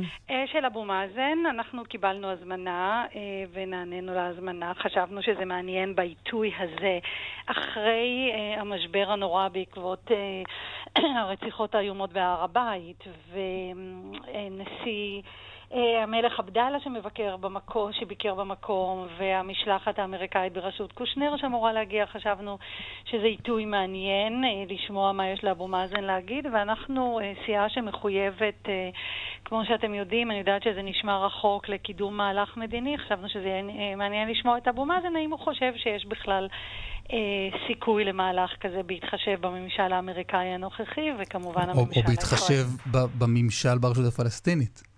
גם וגם וגם. אה, אני לא חושבת שהממשל ברשות הפלסטינית הוא טלית שכולה תכלת. יש לי אה, ביקורת אה, לא מעטה על מהלכים שקורים ברשות הפלסטינית, אני נותנת להם ביטוי, אבל עם כל הביקורת, אני חושבת עדיין שזה הממשל הכי טוב שיכול להיות לנו. אחרת, אחרי עידן אבו מאזן אני חרדה. ממה שיכול להיות בשטחים, ולכן אני חושבת שעם כל הביקורת והקושי עדיין אה, זה אינטרס ישראלי להגיע להסדר עם אבו מאזן, גם אם הוא לא פרטנר מושלם. אני יודעת שהיינו רוצים איזה פרטנר מהאיים היווניים או השוודים או המפרצים. זהבה, זה נשמע שאת ממש צריכה חופשה. קודם כל זה לא היה מזיק לי כנראה, אבל... לא, אה, פעם שנייה בשתי דקות שאת מזכירה את האיים היווניים. כן, כי דיברנו על יעדים, כן, האמת שאני הורגת אליהם, זה לצערי לא יקרה. החופשה שלי זה להיות בייביסיטר. אמ, אה, על הנכדים שלי כמובן. שמע, שלזה את ממש הורגת. האמת שזה נכון, האמת שזה נכון. אבל רגע, אבל מה... בואי נדבר על הפגישה עצמה. כן, מה הוא מספר על פגישותיו עם כן. אה, אה, קושנר, גרינבלט, עם שאר שליחיו של אבו מאזן? אני יכולה להגיד שההתרשמות שלנו הייתה, או מצאנו אבו מאזן מאוד מאוד דרוך לקראת ביקור המשלחת בראשות קושנר. בדרך כלל, בשנים האחרונות, חודש אוגוסט היה מין חודש כזה של הכנות מאחורי הקלעים לקראת פעילות בזירה הבינלאומית. אתם יודעים, העצרת הכללית של האו"ם נפתחת בספטמבר, ותמיד יש את הדבר הזה. הם, הפלסטינים כן הגישו בקשה להכיר בהם אה, כמדינה באופן חד צדדי, כל הדברים האלה. הרושם שלי שהבלגן, הייתי אומרת, או הכאוס בממשל האמריקאי מטריד את הפלסטינים במובן הזה שכמה הראש שלהם הוא בכלל... בסכסוך הזה. אה, אמר לנו אבו מאזן בצורה מפורשת, הוא אמר, אני נפגשתי עם השליחים של טראמפ למזרח התיכון מאז שטראמפ עלה לשלטון כ-20 פעמים, וכל פעם אנחנו ככה מדברים איתם, וכל פעם אני מתרשם שהם תומכים במחויבות שלנו לפתרון שתי המדינות, להפסקת הבנייה בהתנחלויות, ואז אני אומר להם, אוקיי, האם תיתנו לזה ביטוי פומבי? אוקיי, האם תאמרו את זה לממשלת נתניהו? ושום דבר לא קורה, נראה מה הם יגידו לנו הפעם. אני חושבת שהם די סקפטיים ב... מהלכים האמריקאים. לא ברור שהם יודעים בכלל למה, הם, למה האמריקאים מתכוונים. דרך אגב, זה אני מוסיפה, אין לי מושג אם האמריקאים בעצמם יודעים מה הם רוצים. הם, אז זה איזשהו תסכול שהוא בא בפנינו שלא ברור מה יצא מהמשא ומתן, וצריך לקחת בחשבון שאנחנו גם בקונסטלציה, זה דבר שאנחנו אמרנו, ישראלית, שיש לנו כאן ראש ממשלה תחת חקירות, שבנט נושף בעורפו, שכל מה שמעניין אותו זה איך הוא שורד את ניהול הסכסוך ואיך, וההישרדות האישית שלו, ואתם מכירים את נתניהו כשהאחד בא על חשבון השני, נתניהו תמיד בוחר זה בדבר. זה נשמע קצת כמו מפגש בין, אה, בין פרשנים כן. מדיני, פרשנים פוליטיים. הוא אה, מספר מה הלך הרוחות בבית הלבן, והאם טראמפ מתכוון או לא מתכוון. הוא מקטר על טראמפ, אתם מקטרים על נתניהו. כן, אתם אומרים אה, נתניהו תחת חקירה, אנחנו לא יודעים האם הוא יבשיל, אה, האם הדבר, משהו יבשיל אצלו לכדי התנעה של תהליך מדיני, אם הוא יכול בכלל. ולא כמו שחקנים רלוונטיים בזירה הישראלית או הזירה המזרח-תיכונית. אני הייתי יכולה להסכים עם הרישה של הדברים שלך. אה, במפגש כזה, שהוא מפגש אה, לכאורה דיפלומטי, הוסרו המחיצות הדיפלומטיות והייתה שיחה, אפשר לקרוא לה פרשנית, הייתה לה שיחה פוליטית, הייתה שיחה פוליטית מדינית, הייתי אומרת ריאלית, מפוקחת. על המצב. אמ, אולי מרצ היא לא השחקן הכי רלוונטי בעניין הזה, אבל בטח השחקן הכי מחויב בזירה הישראלית לפתרון שתי המדינות, אבל בוודאי שאבו מאזן הוא שחקן רלוונטי, בוודאי שצריך יהיה לקחת אותו בחשבון ואת הרשות הפלסטינית. אבל אני לא בטוחה שנתניהו צריך להמתין למה קורה בממשל האמריקאי אם הוא היה רוצה אה, להגיע להסדר מול אבו מאזן. הוא יכול היה להתחיל לעבוד לקראת הסדר. לא שאני חושבת לרגע, אל תטעו, אני יודעת שזה נשמע כזה, שזה קל, ומחר חדי קרן יתרוצצו באחו. אנחנו, הרי אני לא חושבת שזה מה שיהיה. אבל אני חושבת שאם היינו רוצים זה היה קורה. ומה אנחנו שומעים? איך אה, אה, בעצם נתניהו ככה מתהדר או... מדבר על ההישגים שלו בזירה הבינלאומית או בהישגים דיפלומטיים בטוגו וליבריה. אבל את, יודע, את יודעת שאת אומרת שאת חרדה ממה שיקרה אחרי אבו מאזן, ובגלל זה, זה מביא אותך ל, לרצון להגיע להסדר מדיני, ההיגיון אולי אומר להפך, אם אנחנו חרדים, מה שיקרה ביום שאחריו, והבחור כבר לא צעיר, אולי עדיף לא לסגור דברים לפני שיגיע היום שאחריו, כי הרי אם נחתום היום הסדר ואולי נשלם מחירים כבדים על ההסכם הזה, מי יודע מה יקרה איתו מחר כשהוא לא יהיה? אולי כדאי לחכות. אני יודעת שמה שמדריך אותי, שאחרי 50 שנה ישראל לא יכולה להמשיך ולשלוט על מיליוני בני אדם. לא, זו סוגיה אחרת. אני לא, מדבר לא אחרת, ברמה, אני אבל ברמה אותה. הפרקטית, נניח שאנחנו מגיעים איתו היום להסדר, אה, חוזרים לגבולות 67, לא משנה בדיוק מה, לוחצים ידיים, ויום אחרי זה הוא כבר לא איתנו, ובא שלטון שאת חרדה ממנו. קודם כל, אני רוצה לומר, אני חרדה מהשלטון שיבוא אחרי עידן אבו מאזן, ולכן אני חושבת שצריך להעצים את אבו מאזן, ואם נעצים את אבו מאזן ונגיע איתו להסדר כזה או אחר, אני לא נכנסת לפתרונות, הם ידועים ומסורטטים, כן? מגבולות הקבע של המדינה ועד הסדר הביטחון, מים, כלכלה, לא משנה, כל הדברים האלה. אז אני חושבת שבגלל שיש לנו אינטרס, ראשית, להפסיק את הכיבוש, את המשך השליטה על עם אחר, להעצים את אבו מאזן כדי שלא יהיה שם שלטון אחר, אין לי מושג, ג'יהאדיסטי, אה, אסלאמיסטי, לא יודעת מה יכול להיות שם עכשיו אחרי ה... אם אה, אה, תהיה תחושה של ייאוש וכאוס, אז אני לא רוצה לחשוב על זה. ולכן כרגע האינטרס הישראלי מבחינתי והתמיכה בצורכי הביטחון של ישראל מחייבת להגיע להסדר עם אבו מאזן. קל זה לא יהיה, אה, פשוט אבל מה זה לא זו. שנעצים אותו אם, אח... אם, אם, אם את חרדה ממה שיקרה אחריו? אבל אני מסבירה שאם אנחנו לא נעצים אותו, אז יכול להיות גרוע יותר. אם נעצים אותו, אבל גם אם נעצים אותו, יום אחד הוא ילך. כל אחד ילך יום אחד אסף. אבל את אמרת שאת... זה קלמן, את אמרת שאת חרדה אבל מהיום הזה. אני, בוודאי שאני חרדה מהיום הזה, אבל כדי למנוע את הכאוס ברשות ביום שהוא ילך, אנחנו צריכים להעצים אותו עכשיו, כי זה להעצים את הממשל שלו. ממשלים לא בנויים על בן אדם אחד, יש אינטרסים. אה, כמו שדרך אגב, גם הממשל האמריקאי לא בנוי רק על השיגיונות של טראמפ, הוא בנוי על האינטרסים האמריקאים. אני, אני מסתכלת על זה, תראו, אה, אסף קלמן, אני מסתכלת על הימין הישראלי בראשות נתניהו. הוא באמת קיבל הזדמנות היסטורית מהציבור הישראלי. נתניהו כבר שמונה שנים או יותר, בטח שמונה שנים עברו מאז נאום בר אילן, אולי קצת יותר. הוא קיבל הזדמנות היסטורית מהציבור, ויש לו את הרוב הדרוש ואת הזמן הדרוש, אולי אין לו זמן כי הוא עסוק בחקירות שלו, אבל באמת היה לו את הזמן הדרוש כדי להניע את המהלך שלו לפתרון הסכסוך. ותמיד הם מדברים בכל מיני מילים יפות כזה, כמובן, זה תמיד מתחום הביטחון, אה, כמה צריך לדאוג ל- אה, לאינטרסים הביטחוניים שלנו, שאין ספק שזה מה שצריך לעשות. אבל הוא לא עשה כלום. הוא לא תומך בפתרון שתי המדינות, זה הכל מהשפתיים, ככה מדי פעם הוא משחרר איזו אמירה לא מחייבת כן. בנושא. ולכן אני חושבת שאולי המסר החשוב אתמול בעקבות הפגישה זה מה חשוב לנו, לישראלים. מה התפקיד שלנו, הישראלים, כדי שיהיה כאן אה, מהלך מדיני? האם אנחנו צריכים להשליך את כל יהבנו על האמריקאים? אני לא בטוחה. אם צריך גיבוי של הקהילה הבינלאומית, בוודאי שכן. אוקיי. ת- תגידי, כשאתם יושבים, אה, כשאת יושבת מול אבו כן. מאזן, העובדה שהאיש משלם מדי חודש בחודשו שכר לאנשים שרצחו יהודים רק כי הם רצחו יהודים, בעוד עשרה ימים הוא ישלם להם את המשכורת הבאה עבור זה. זה משהו שנמצא באוויר, אתם מעירים לו, אתם שואלים, זה מפריע לכם בשיחה הזו? קודם כל זו תחושה מאוד מאוד לא נוחה לדעת שאבו מאזן אה, לא מייצג את האינטרס הישראלי ותומך במשפחות של מחבלים ו... זה לא לא הבטן- אינטרס. זה לא- רגע, זה לא- זה אני לא- רוצה הוא לומר... משלם אנשים כדי שירצחו, כדי שירצחו יהודים. האינטרס לא, המוסרי, אני עזבי. לא חושבת שזו דרך להגדיר את זה. אני? לא תומכת בכל פעולה וצעד שעושה אבו מאזן. אני הבהרתי לו אתמול. בצורה שאינה משתמעת לשני פנים, שאני ממש לא אוהבת את הפנייה שלו לממשלת ישראל, ובוודאי לא את ההתנהלות של ממשלת ישראל להוריד את החשמל בעזה. העלתה של עזה... לא, אבל זה סיפור אחר, זה זה לא גלאון. סיפור אחר, זה סיפור אותו אחר. סיפור. אבל באיזה את יודעת מובן? שאם אם במקביל לשיחה שלנו עכשיו, חס וחלילה, מחבל פלסטיני רוצח יהודי, בראשון לחודש הקרוב, בעוד עשרה ימים, אבו לא מאזן מקובל עליי, משלם לא- לו על זה משכורת. אבל אני לא מבינה מה בדיוק חשבת שאני אגיד לך, כן, אבו מאזן הוא מצוין. לא עושה לי. לא לי, לאבו אני מאזן. אומרת אני שואל זה- אם את אומרת את זה אני לאבו אומרת את זה מאזן. קודם כל, קודם כל השיחה לא כוללת את כל הביקורת ואת כל התמיכה אף פעם.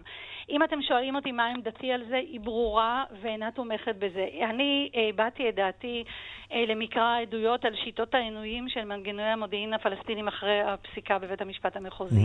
אמרתי את דעתי בצורה שאינה משתמעת לשני פנים, שזה מבחיל שישראל חייבת לדרוש מאבו מאזן מחויבות לזכויות האדם. ומה שאני אומרת... רגע, לגבי- נו, זו בדיוק השאלה, כשאת נפגשת עם אבו מאזן, את דורשת יש ממנו דברים- מחויבות לזכויות ב- אדם? בוודאי, יש דברים שאני אומרת. כמו ש... גם, גם הורדת השלטר בעזה היא מחויבות לזכויות אדם.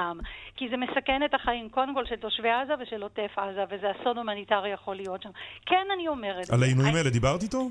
לא, לא דיברתי איתו, לא מגיעים להכל. אנחנו יושבים בפורמט של, אה, כאילו, אני ממש מבינה את הרעיון שלכם, שאתם רוצים עכשיו, שאני אשב אצלכם בשידור, שאני, כשאני מתראיינת, שאני אגיד מודה אני ואני אספור את כל החולאים של אבו מאזן. לא, האם לא, אבו זה מאזן... לא- לא, אבל השאלה האם, כי כי אנחנו לא, כן, אנחנו לצערנו... תגידו לא, לא. אני, זהבה, רגע, תנו לי. לא, תנו לי אז אני רק- משפט. אני אשאל ותקבלי יותר כן. ממשפט. אני אני רק אומר, אנחנו לא היינו שם לצערנו.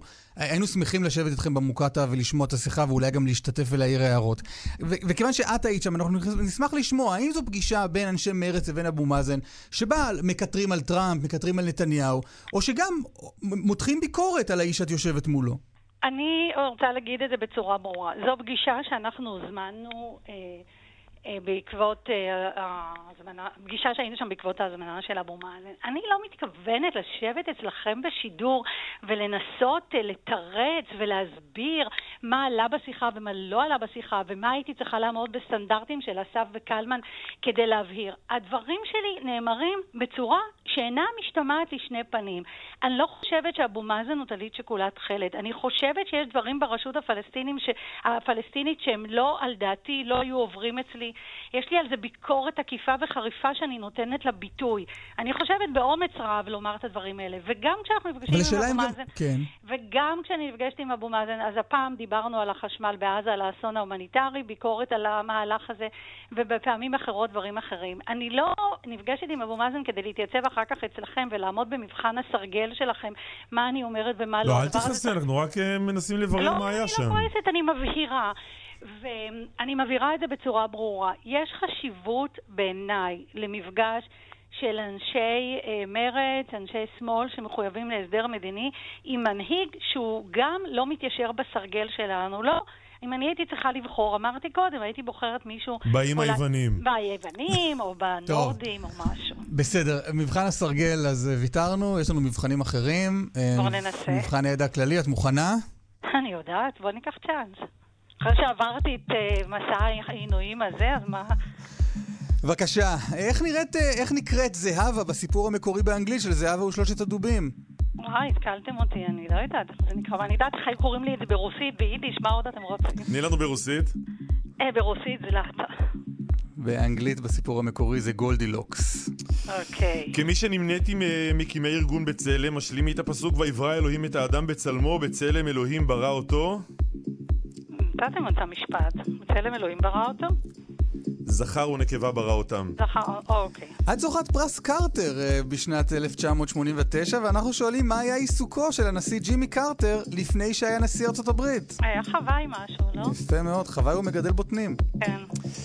כמי שהצהירה על נכונותה להתפטר מהכנסת אחרי הבחירות האחרונות רק כדי לאפשר לחברת מפלגתך תמר זנדברג להיכנס לכנסת, כולם יודעים שאחיה של תמר זנדברג הוא הכדורגלן מיכאל זנדברג, זוכרת באיזה קבוצה הוא התחיל את דרכו המקצועית כשחקן בוגר? יש מצב ברמת גן? משהו בפועל רמת גן? אני לא סגורה על זה, אבל... לא מאוד... אה, לא סגורה על זה. הוא שיחק שם מתישהו, אבל לא התחיל. דווקא פה ציפינו ממך ליותר. אה, לא, לא פשפשתי בזה, אני בפועל פתח תקווה, נו, נו.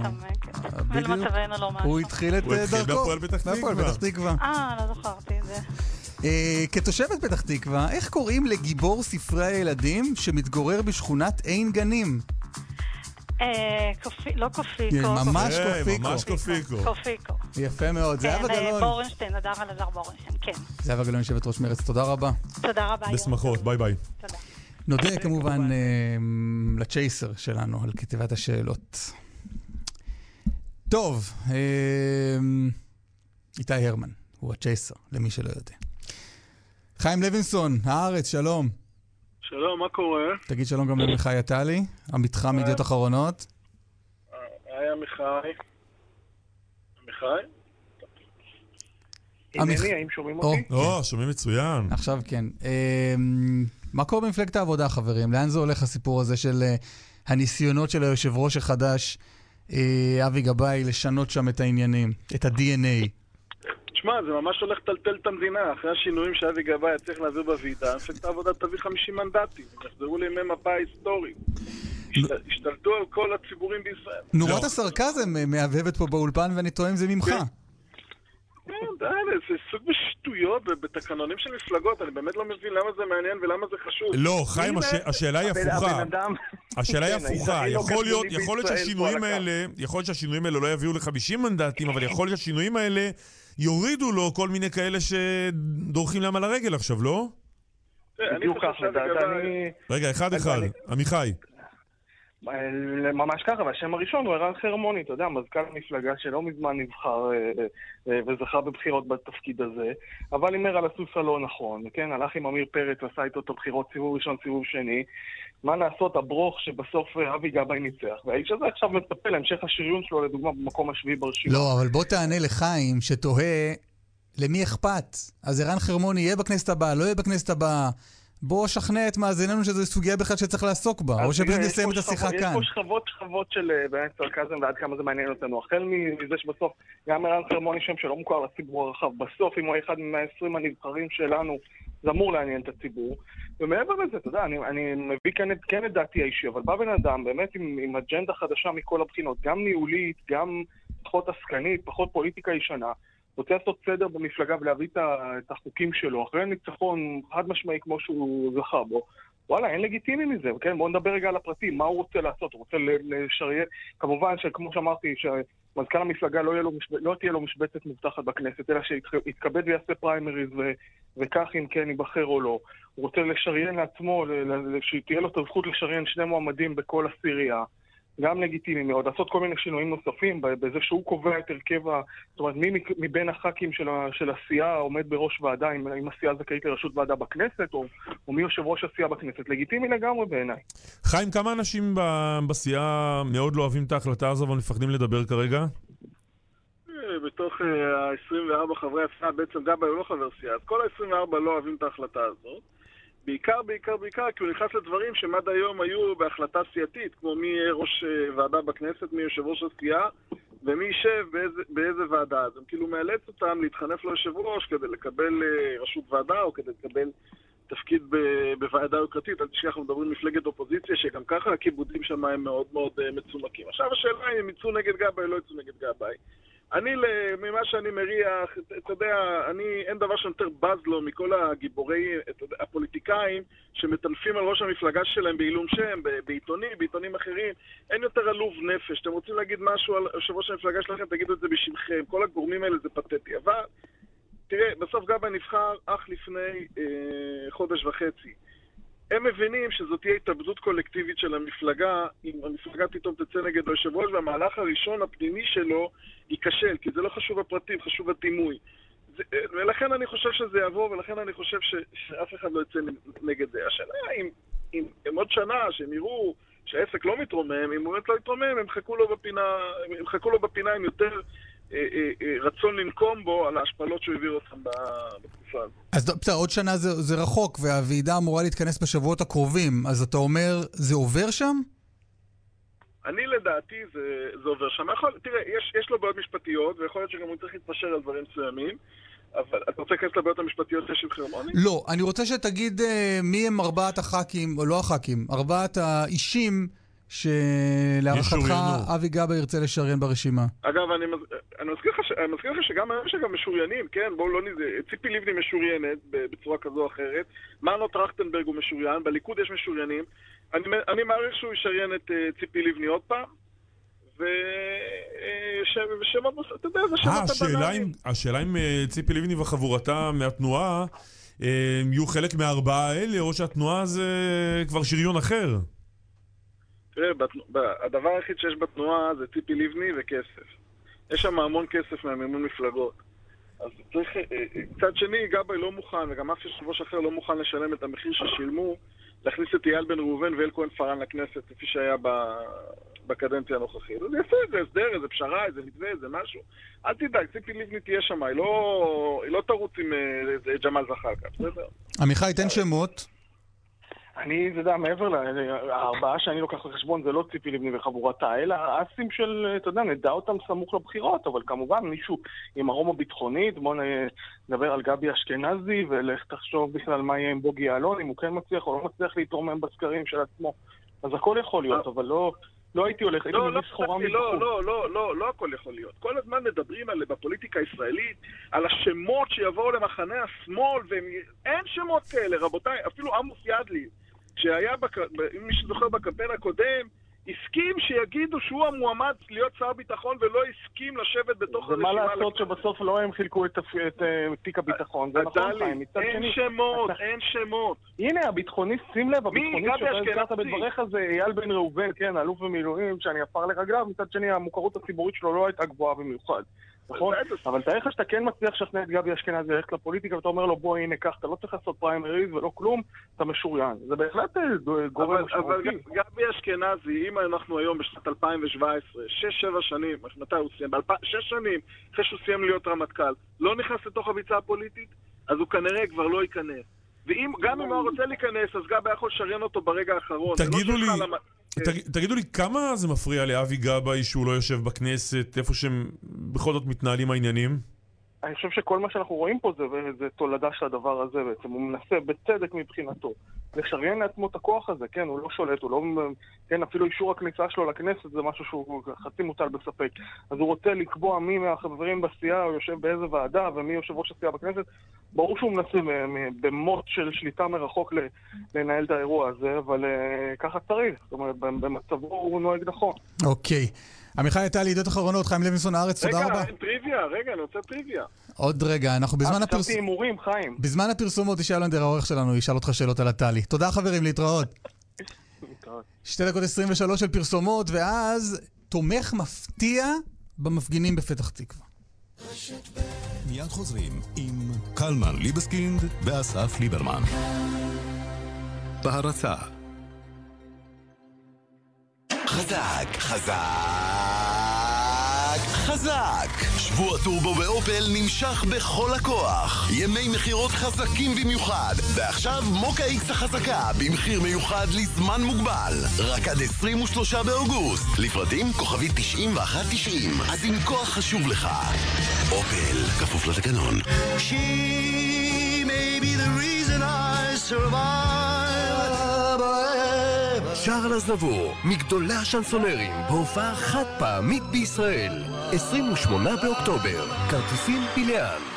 פעם היינו קונים שנדליר לסלון, תולים מנורות. היום, בעולם העיצוב החדשני, לא רואים את מקור האור. הוא מוטמע בקירות הבית. הוא חלק בלתי נפרד מעיצוב הבית. אדריכלים קוראים לזה תאורה לינארית. גופי תאורה מעוצבים, עשויים אלומיניום ומוארים בנורות לד. חפשו בגוגל ויהי אור, או בואו לבקר במפעל בלקולד בחולון. מפעל כחול לבן לגופי התאורה מהמתקדמים בעולם. בלקולד, 1-800-40-30-40 היי בוס, איפה התו?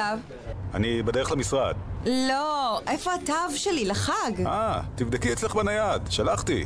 תו הזהב קאש, גם בנייד. מהיר יותר, פשוט יותר, מתקדם יותר, בטוח יותר. לפרטים חייגו 1-800-692-692, כפוף לתקנון. חברה שלי עברה לדיור מוגן, ואני אמרתי לה, אין כמו בבית. גם השכנים שלי עברו לדיור מוגן, ואני נשארת בבית. בסוף מצאתי את עצמי בלי חברים, לבד בבית, מול הטלוויזיה. אז עברתי גם אני לבית גיל פז בכפר סבא. אמרתי לכם, אין כמו בבית. מחפשים דיור מוגן שמרגישים בו ממש כמו בבית? התקשרו לבית גיל פז, 1-755-70-80. She may be the reason I survive. שער לזבור, מגדולי השנסונרים, בהופעה חד פעמית בישראל. 28 באוקטובר, כרטיסים פיליאן.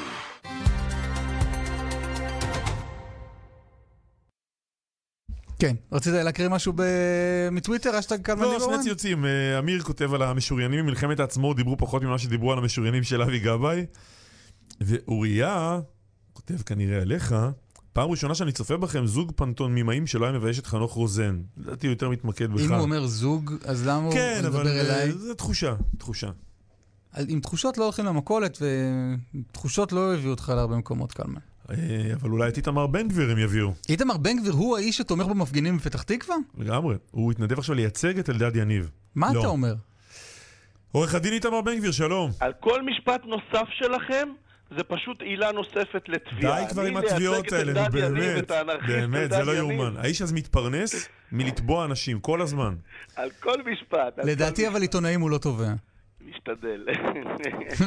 מה... אל- תיקח, אל תתפוס אותי במילה. כן. הוא אומר באיום. בינתיים, בינתיים הוא לא תבע עיתונאים. כן, בדיוק. מה- תשאירו לי נשק במחסנית. אז למה אתה רוצה להגיע לבית המשפט אם אתה לא מייצג את אלדד יניב, האנרכיסט כפי שאתה מכנה אותו? לא, זהו, בוא, בוא נ- נבדיל בין הדברים. יאללה. אני לא קונה שהמחאות בפתח תקווה זה נגד שחיתות, וכמי שראה את אלדד יניב ושמע אותו לא פעם באולפני טלוויזיה ומחוצה להם, הבן אדם הוא אנרכיסט, שמאל קיצוני, אם אלה הפנים של מפלגת העבודה, אוי ואבוי.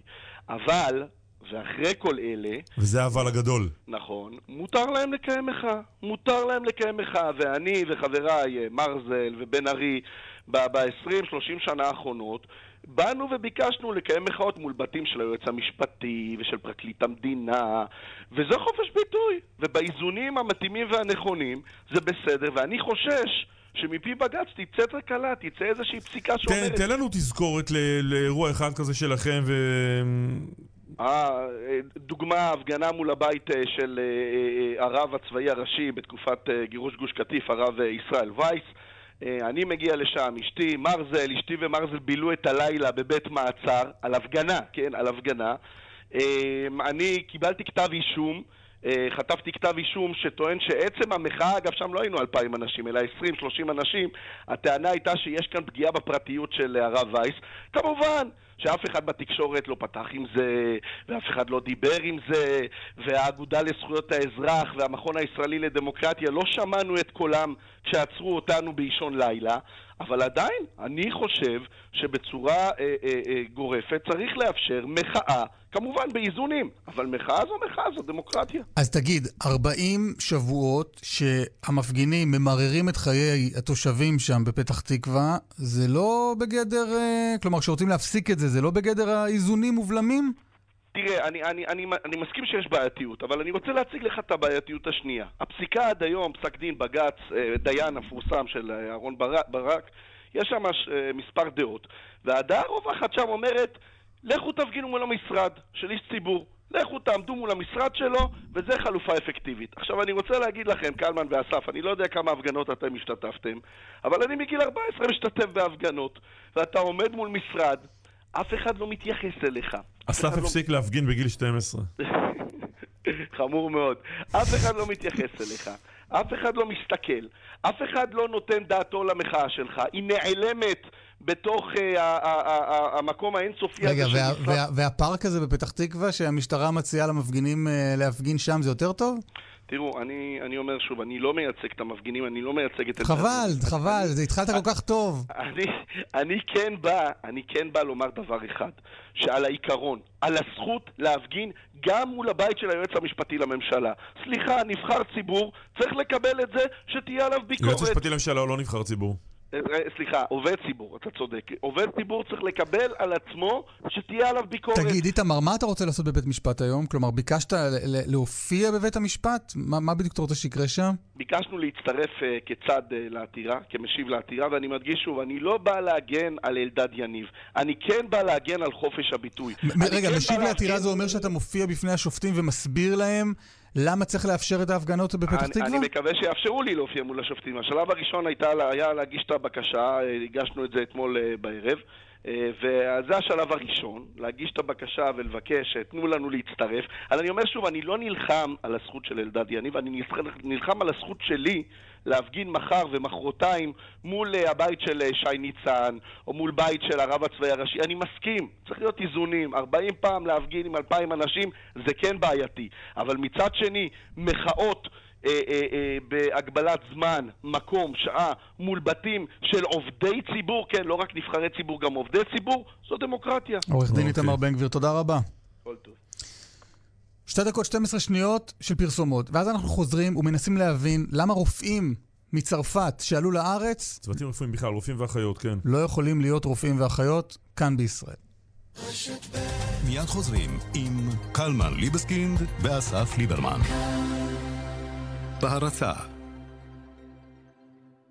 חובבי החזנות, זה הקונצרט שלכם. שלום, כאן מרדכי סובול. אני שמח להזמינכם לקונצרט החזנות שכל כולו בניחוח ראש השנה ויום כיפור. סימפונית רעננה עם הכישרונות הגדולים של עולם החזנות של ימינו. החזנים שלמה גליק, נתנאל הרשטיק, סיימון כהן ויעקב מוצן. היכל התרבות תל אביב, יום שלישי, י"ד באלול, חמישה בספטמבר. לפרטים חייגו 03-570-7479. זה לא עוד קונצרט חזנות, זה קונצרט חזנות של יובל. כי יובל חזנות עם כל הנשמה. עשינו יום הולדת לילד בגן, קיבלנו מתנות מביכות. חבל ששירביט לא בגן כלנית. הם נותנים חודש מתנה בביטוח הדירה. חייגו, כוכבית 2003 שירביט. זאת מתנה. שירביט. בר מים תמי 4 במסלול הכל כלול. אחריות, תחזוקה, שירות, משלוחים והכל. החל ב-87 שקלים בחודש. הצטרפו, וכל המשפחה תשתה יותר מים. שטראוס מים, כוכבית 6944 או באתר. למחזיקי כרטיסי ויזה של קל ולאומי קארד, כפוף לתנאי מסלול הכל כלול לארבע שנים, על פי סקר שילוב I2R, מאי 2017. צא מהחדר שלי, תחזירי לי את האוזניות! אמא! נמאס לכם מההפרעות? בואו איתם לראות הופעות. רשות הטבע והגנים סוגרת את החופש ומזמינה אתכם להופעות רוק ישראלי, פטר והזאב, מחווה ל U2 ועוד, בגן הלאומי ירקון. למנויי מטמון, הכניסה בלא תשלום. לפרטים ולמגוון פעילויות נוספות, חפשו אותנו בפייסבוק או ייכנסו לאתר. רשות הטבע והגנים. גבר, אותי לימדו, נותנים לך, תיקח, מרביצים לך, תברח. אבל מבצע כזה בשירביט, אתה מוכרח. עד 30 אחוזי הנחה בביטוח הרכב. מה, לא תיקח? חייגו, כוכבית 2003. שירביט. רוצים שכל המשפחה תשתה יותר מים? בר המים תמי 4 במסלול הכל כלול. שטראוס מים, כוכבית 6944 או באתר. למחזיקי כרטיסי ויזה של קל ולאומי קארד, כפוף לתנאי מסלול הכל כלול לארבע שנים, על פי סקר שילוב I2R, מאי 2017.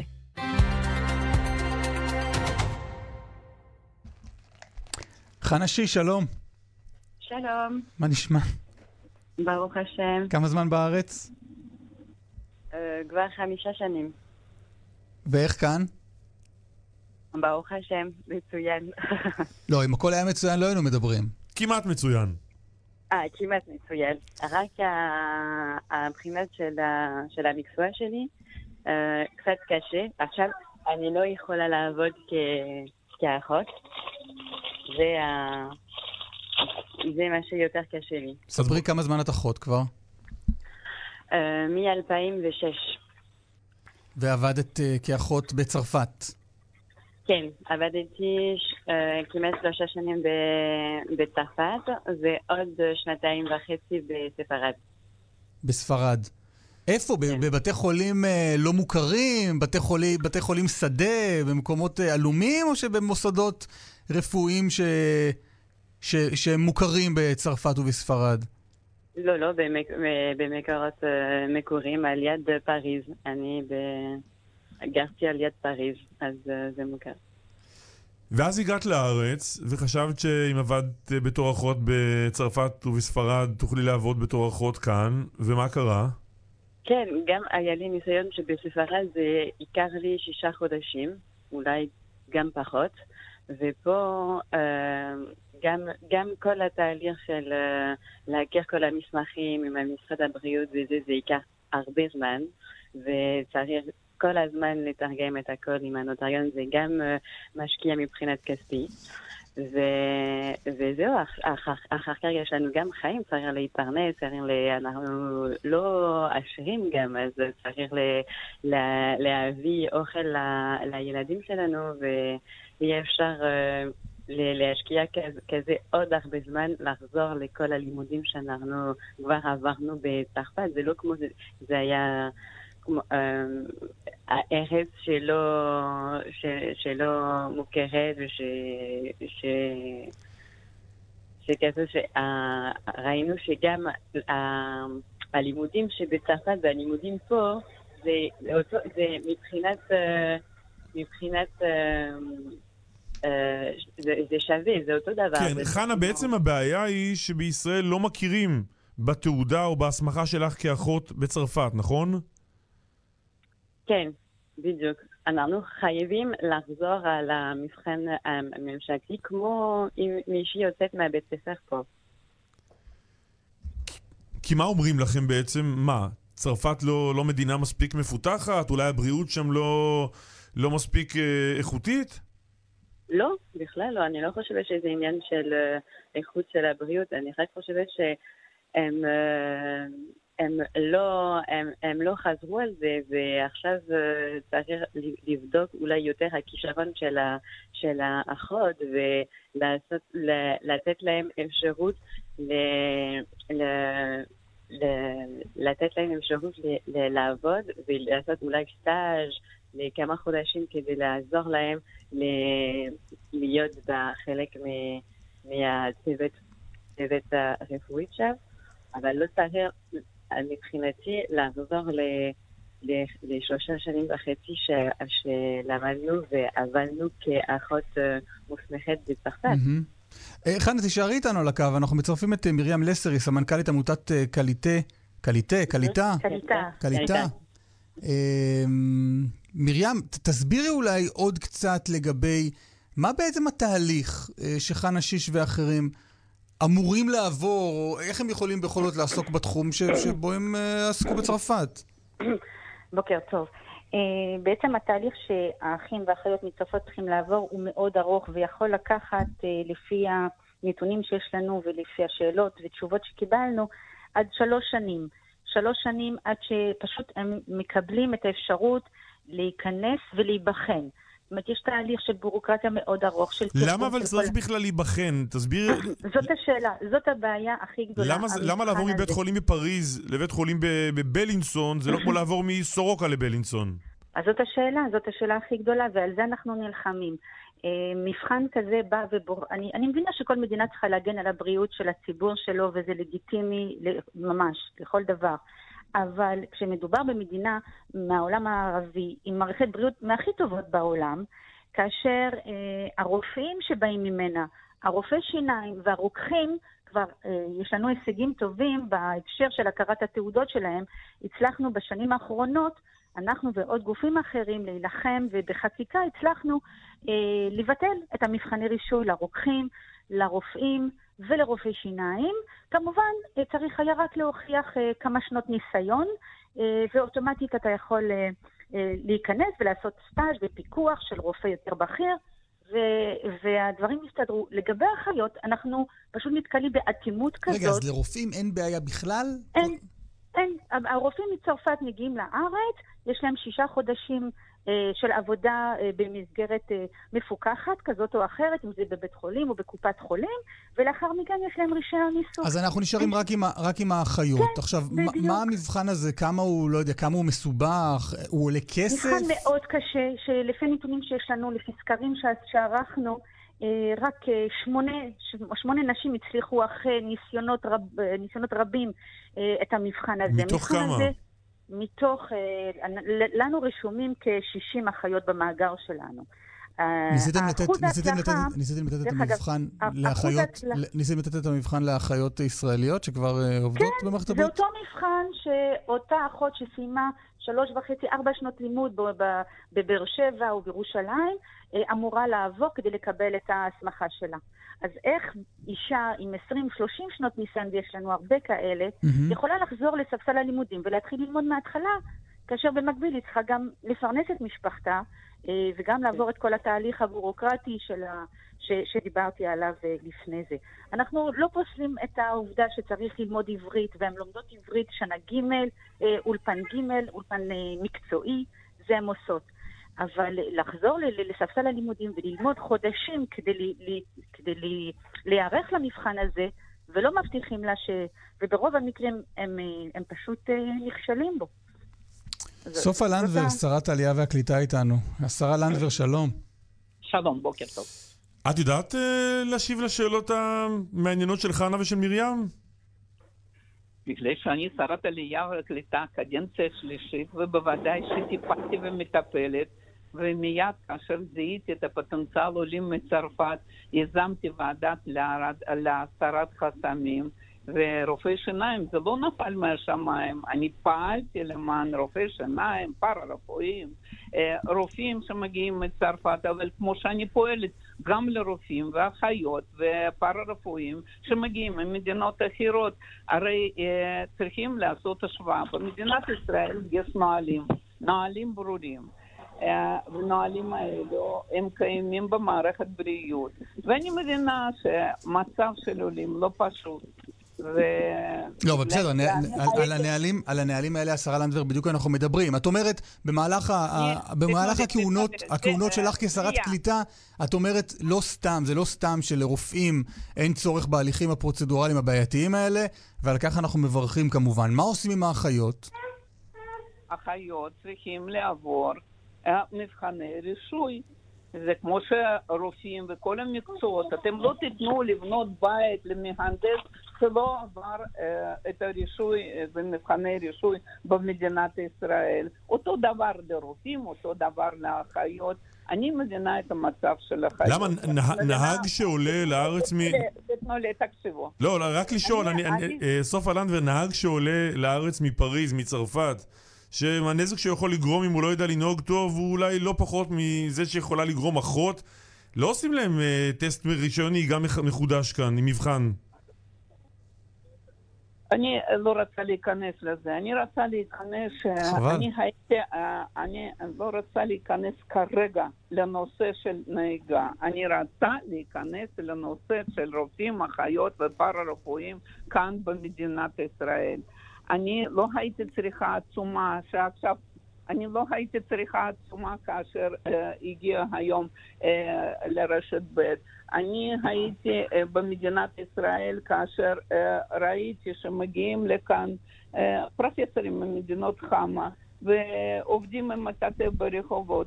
ואני בתקופה שלי אה, בתקופה שלי עשיתי הכל ועושה הכל שזה דבר שלא יחזור על עצמו. אני לא רוצה שרופאים ואחיות יעבדו עם מטאטא ברחובות, ולא משנה מאיזה... נו, אז מה אנחנו עושים עם האחיות, זה סופה לא לנדבר? אנחנו- אנחנו תומכים בכל מילה, אבל מה אנחנו עושים עם האחיות? יש פה הסכמה מקיר לקיר. טוב, אם תיתנו לי לדבר, אני אדבר. אם אתם רוצים לדבר, תדברו על לא, זה. אנחנו רוצים אני יודעת, אני יזמתי ועדה להסרת חסמים. אני חושבת שאם אחות הייתה טובה ומצוינת שם, היא יכולה להיות מצוינת כאן במדינת ישראל, ולא משנה מאיזה מקום היא הגיעה למדינת ישראל. אם הייתה טובה שם, היא תהיה טובה ומצוינת כאן. אנחנו, בזכות משרד עלייה וקליטה, זיהינו פוטנציאל עלייה מצרפת. אנחנו עשינו הכל ונערכנו לקליטה. יש דברים שאפשר לעשות לפני העלייה, אבל יש דברים שעולה צריך לעבור במדינת ישראל. הכלים שנותן משרד עלייה וקליטה, ללמוד שפה עברית, ללמוד שפה מקצועית, לעבור מבחנים לרישוי. אבל יכול להיות, סופה לנדבר, שיש בעיה עם המבחן. לא יכול להיות שמתוך 60 אה, אחיות, כפי שמסרה לנו מרים לסר, שעבדו בצרפת, לא, לא נשים שכרגע סיימו את, ה, את ההכשרה שלהם וכרגע נחתו על המקצוע. מתוך 60, רק שמונה עוברות את המבחנים האלה. כנראה שיש כאן בעיה. בוודאי שיש בעיה. בכלל, בתהליך קליטה יש בעיה, זה לא פשוט לעבור ממדינה אחת למדינה שנייה, ואנחנו בכלים שלנו נותנים ואוצ'רים ללימוד שפה עברית. אני חושבת שאתה, לא, אתם לא תיתנו לרופא או לאחות להיכנס למערכת בריאות בלי לימוד שפה. בלי זה שהם יודעים אה, לעבור את המערכת מבחני רישוי, בלי אה, אה, זה שהוא יהיה מתאים לטפל בחולה במדינת ישראל. אני בכל הכלים שיש לי כשרת עלייה וקליטה משתמשת כדי לתת את הסיוע ועזרה לאחיות. וזה לא רק ממדינת צרפת, אני לא יכולה לתת פריבילגיה למדינה אחת ובלי לחשוב למדינה אחרת. מה הרופא שמגיע או אחות שמגיע ממדינות חמה פחות טובה ממערכת בריאות. מה מערכת בריאות במדינות האלו יותר גרועה ממערכת בריאות בצרפת. מגיעים לכאן המון רופאים, אנחנו פתחנו קורסים, אנחנו רק באשדוד עכשיו אף אחד- פתחנו... אף אחד לא נגד אה, זה שיעשו את זה גם לעובדי, לעולי חבר העמים, אבל אני באמת לא- באמת לא מבין מה- מה לא בסדר במערכת הבריאות בפריז, לא, שצריכה לא, לעבור לא, כאן לא. מבחנים כדי להיות רבותיי, מותאמת גם לבלינסון. אתם מוכנים שמחר כל רופא שמגיע למדינת ישראל בלי אה, מבחני רישוי ייכנס למערכת... אם הוא היה רופא בבית החולים בפריז, כן. אני בעד.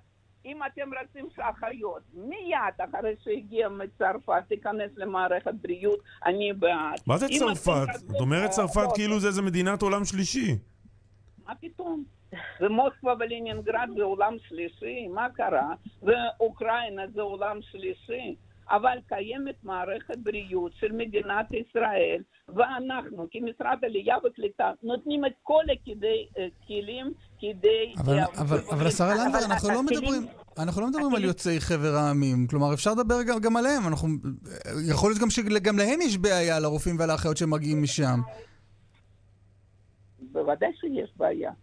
עולה, כאשר הוא מגיע למדינת ישראל, הוא צריך ללמוד שפה, ואחר כך צריך לעבור את המבחן רישוי, בוודאי. טוב. וזה תלוי מבן אדם. מרים, מרים לסר, גם הערה שלך או שאלה שאת רוצה לשאול את השרה? משרד העלייה וקליטה באמת עושה הכל כדי אה, לתת את הכלים, כדי ללמוד את העברית ברמות הכי גבוהות שצריך כדי לעבור את המבחן. אבל אנחנו לא מדברים על הרמה של העברית, אנחנו מדברים על, על לימודים, לחזור לספסל הלימודים של מי ש... של ארבע שנים. על זה אנחנו מדברים. אין סיבה ש... שעולה חדשה, אחות מוסמכת עם 30 זה שנות בדיוק, ניסיון. צריכה לעבור עוד פעם את כל המבחנים האלה. אנחנו לא לא מדברים על העברית. לעבור את... רבותיי, אנחנו מתבלבלים בדבר אחד. כל רופא, כל אחות, כל פארה-רפואי צריך לעבור מבחני רישוי. לא, אנחנו, מצרפת, סליחה, רופא מצרפת לא עובר שום מבחן רישוי. אבל, למה אה, רופא לא עובר מבחן?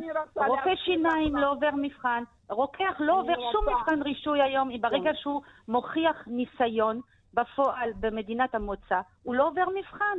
עכשיו אנחנו רוצים שיהיה אותו דבר לאחיות. לא, אני רוצה להזכיר לך, זה לא בא ממקום אחר, ממשרד העלייה וקליטה זה הגיע. זה בא ממשרד אני הבריאות, נכון. סליחה, אני נלחמתי. אני הקמתי ועדה להורדת חסמים. אני נלחמתי ב- ב- בעד הרופאים אוקיי. שמגיעים מצרפת, בגלל- בעד הרופאים שמגיעים ממדינות אחרו- אחרות. אני נלחמתי בעד פארה-רפואיים. טוב, נמשיך ללוות את אה, חבלי הקליטה של אה, האחיות מצרפת. אה, סופה לנדבר, נצטרך- נצטרך לעצור כאן, שרת העלייה והקליטה, תודה רבה. צריכים לעצור כאן. אני נלחמתי בעד חולים באשדוד, אני יזמתי אה, על נושא שייכנסו לשם רופאים ממדינות אחרות, עולים שהגיעו, עולים שהגיעו למדינת ישראל, ואני גם עכשיו נלחמת עבור דבר הזה. אני הקמתי קורסים במשרד עלייה וקליטה להכשרה מקצועית של רופאים, אוקיי. והמון רופאים והמון אחיות עוברים את הקורס הזה. השרה לנדבר. בהצלחה רבה מאוד. השרה סופה לנדבר, תודה. המשרד עלייה וקליטה מחויב לתת... אנחנו עוד רגע מגיעים לחדשות. השרה סופה לנדבר, תודה רבה, תודה למרים לסר ותודה ל... אה, תודה ובהצלחה. לחנה שיש. בהחלט. אה, יש גם תגובת משרד הבריאות. אה, מינהל הסיעוד פועל רבות להסרת חסמים בירוקרטיים עבור כלל בוגרי סיעוד מחו"ל. אחד תפקידיו העיקריים הוא לשמור ולדאוג לאיכות ובטיחות הטיפול הסיעודי הניתן לאוכלוסיית מדינת ישראל. בדומה למדינות רבות בעולם, נערכות בחינות רישוי ממשלתיות עבור בוגרי תוכניות לימוד בסיעוד, וזה הליך מקובל המתקיים במדינות רבות. אה, מבחן רישוי נועד לבדוק כשירות ובטיחות בסיסיות. טוב, זה בערך הדברים שאמרה לנו גם כן, השרה. ולשאלה לנדבר. של מי ששואל אותנו בטוויטר למה לא הבאנו מישהו ממשרד הבריאות, כי הם לא באו לרעיון הזה רוב ושלחו הפעמים תגובה בכתב. שאנשים לא מדברים זה בגלל שהם לא רוצים לדבר. זה לא בגלל שלא חשבנו על זה. עמיחי שטיין כתבנו שלום. שלום. עזבו את כל מה שדיברתם עד עכשיו. יש דבר. אחד שמעניין היום את ארצות הברית. נו. הליקוי חמה אה, הראשון מחוף לחוף מזה 99 שנים. אפילו האסטרולוגים מדברים מה זה יעשה לטראמפ. הם חוזים אה, עתיד אה, קודר למדינה בעקבות ליקוי. אה, זה... לא אין לי צריך- מושג באסטרולוגיה יותר מדי, אבל זאת הכותרת של לא האסטרולוגים. צריך אסטרולוגים בשביל זה. כן. Uh, בעיקרון האמריקנים נוהרים uh, uh, למקומות שיראו את הליקוי מאורגון uh, בצפון מתי זה ועד קורה? דרום קרוליינה. אה, באזור 6 ומשהו שעון ישראל אה, זה מתחיל אחר הצהריים. אה, אחד ומשהו בצהריים לא שעון. אורגון. אז חכה, יש גם אה, שידורים חיים באינטרנט, קורים ב-2020 דברים. ב-2020 ליקוי חלקי בישראל, אני גם ממריא 50%. עכשיו. יאללה, תודה רבה. מיכאל שטיין. כתבנו, העורך הוא ישי לונדר, מפיקים נדב רוזנצוויג וינון סרוסי, ביצוע טכני רונן ששון, הדיגיטל מיכאל ספקטור, אחרי הרשות תמר אלמוג. קלמן ליבסקין, תודה רבה שבאת. אה, על עוד דבר, אסף ליברמן. יאללה ביי.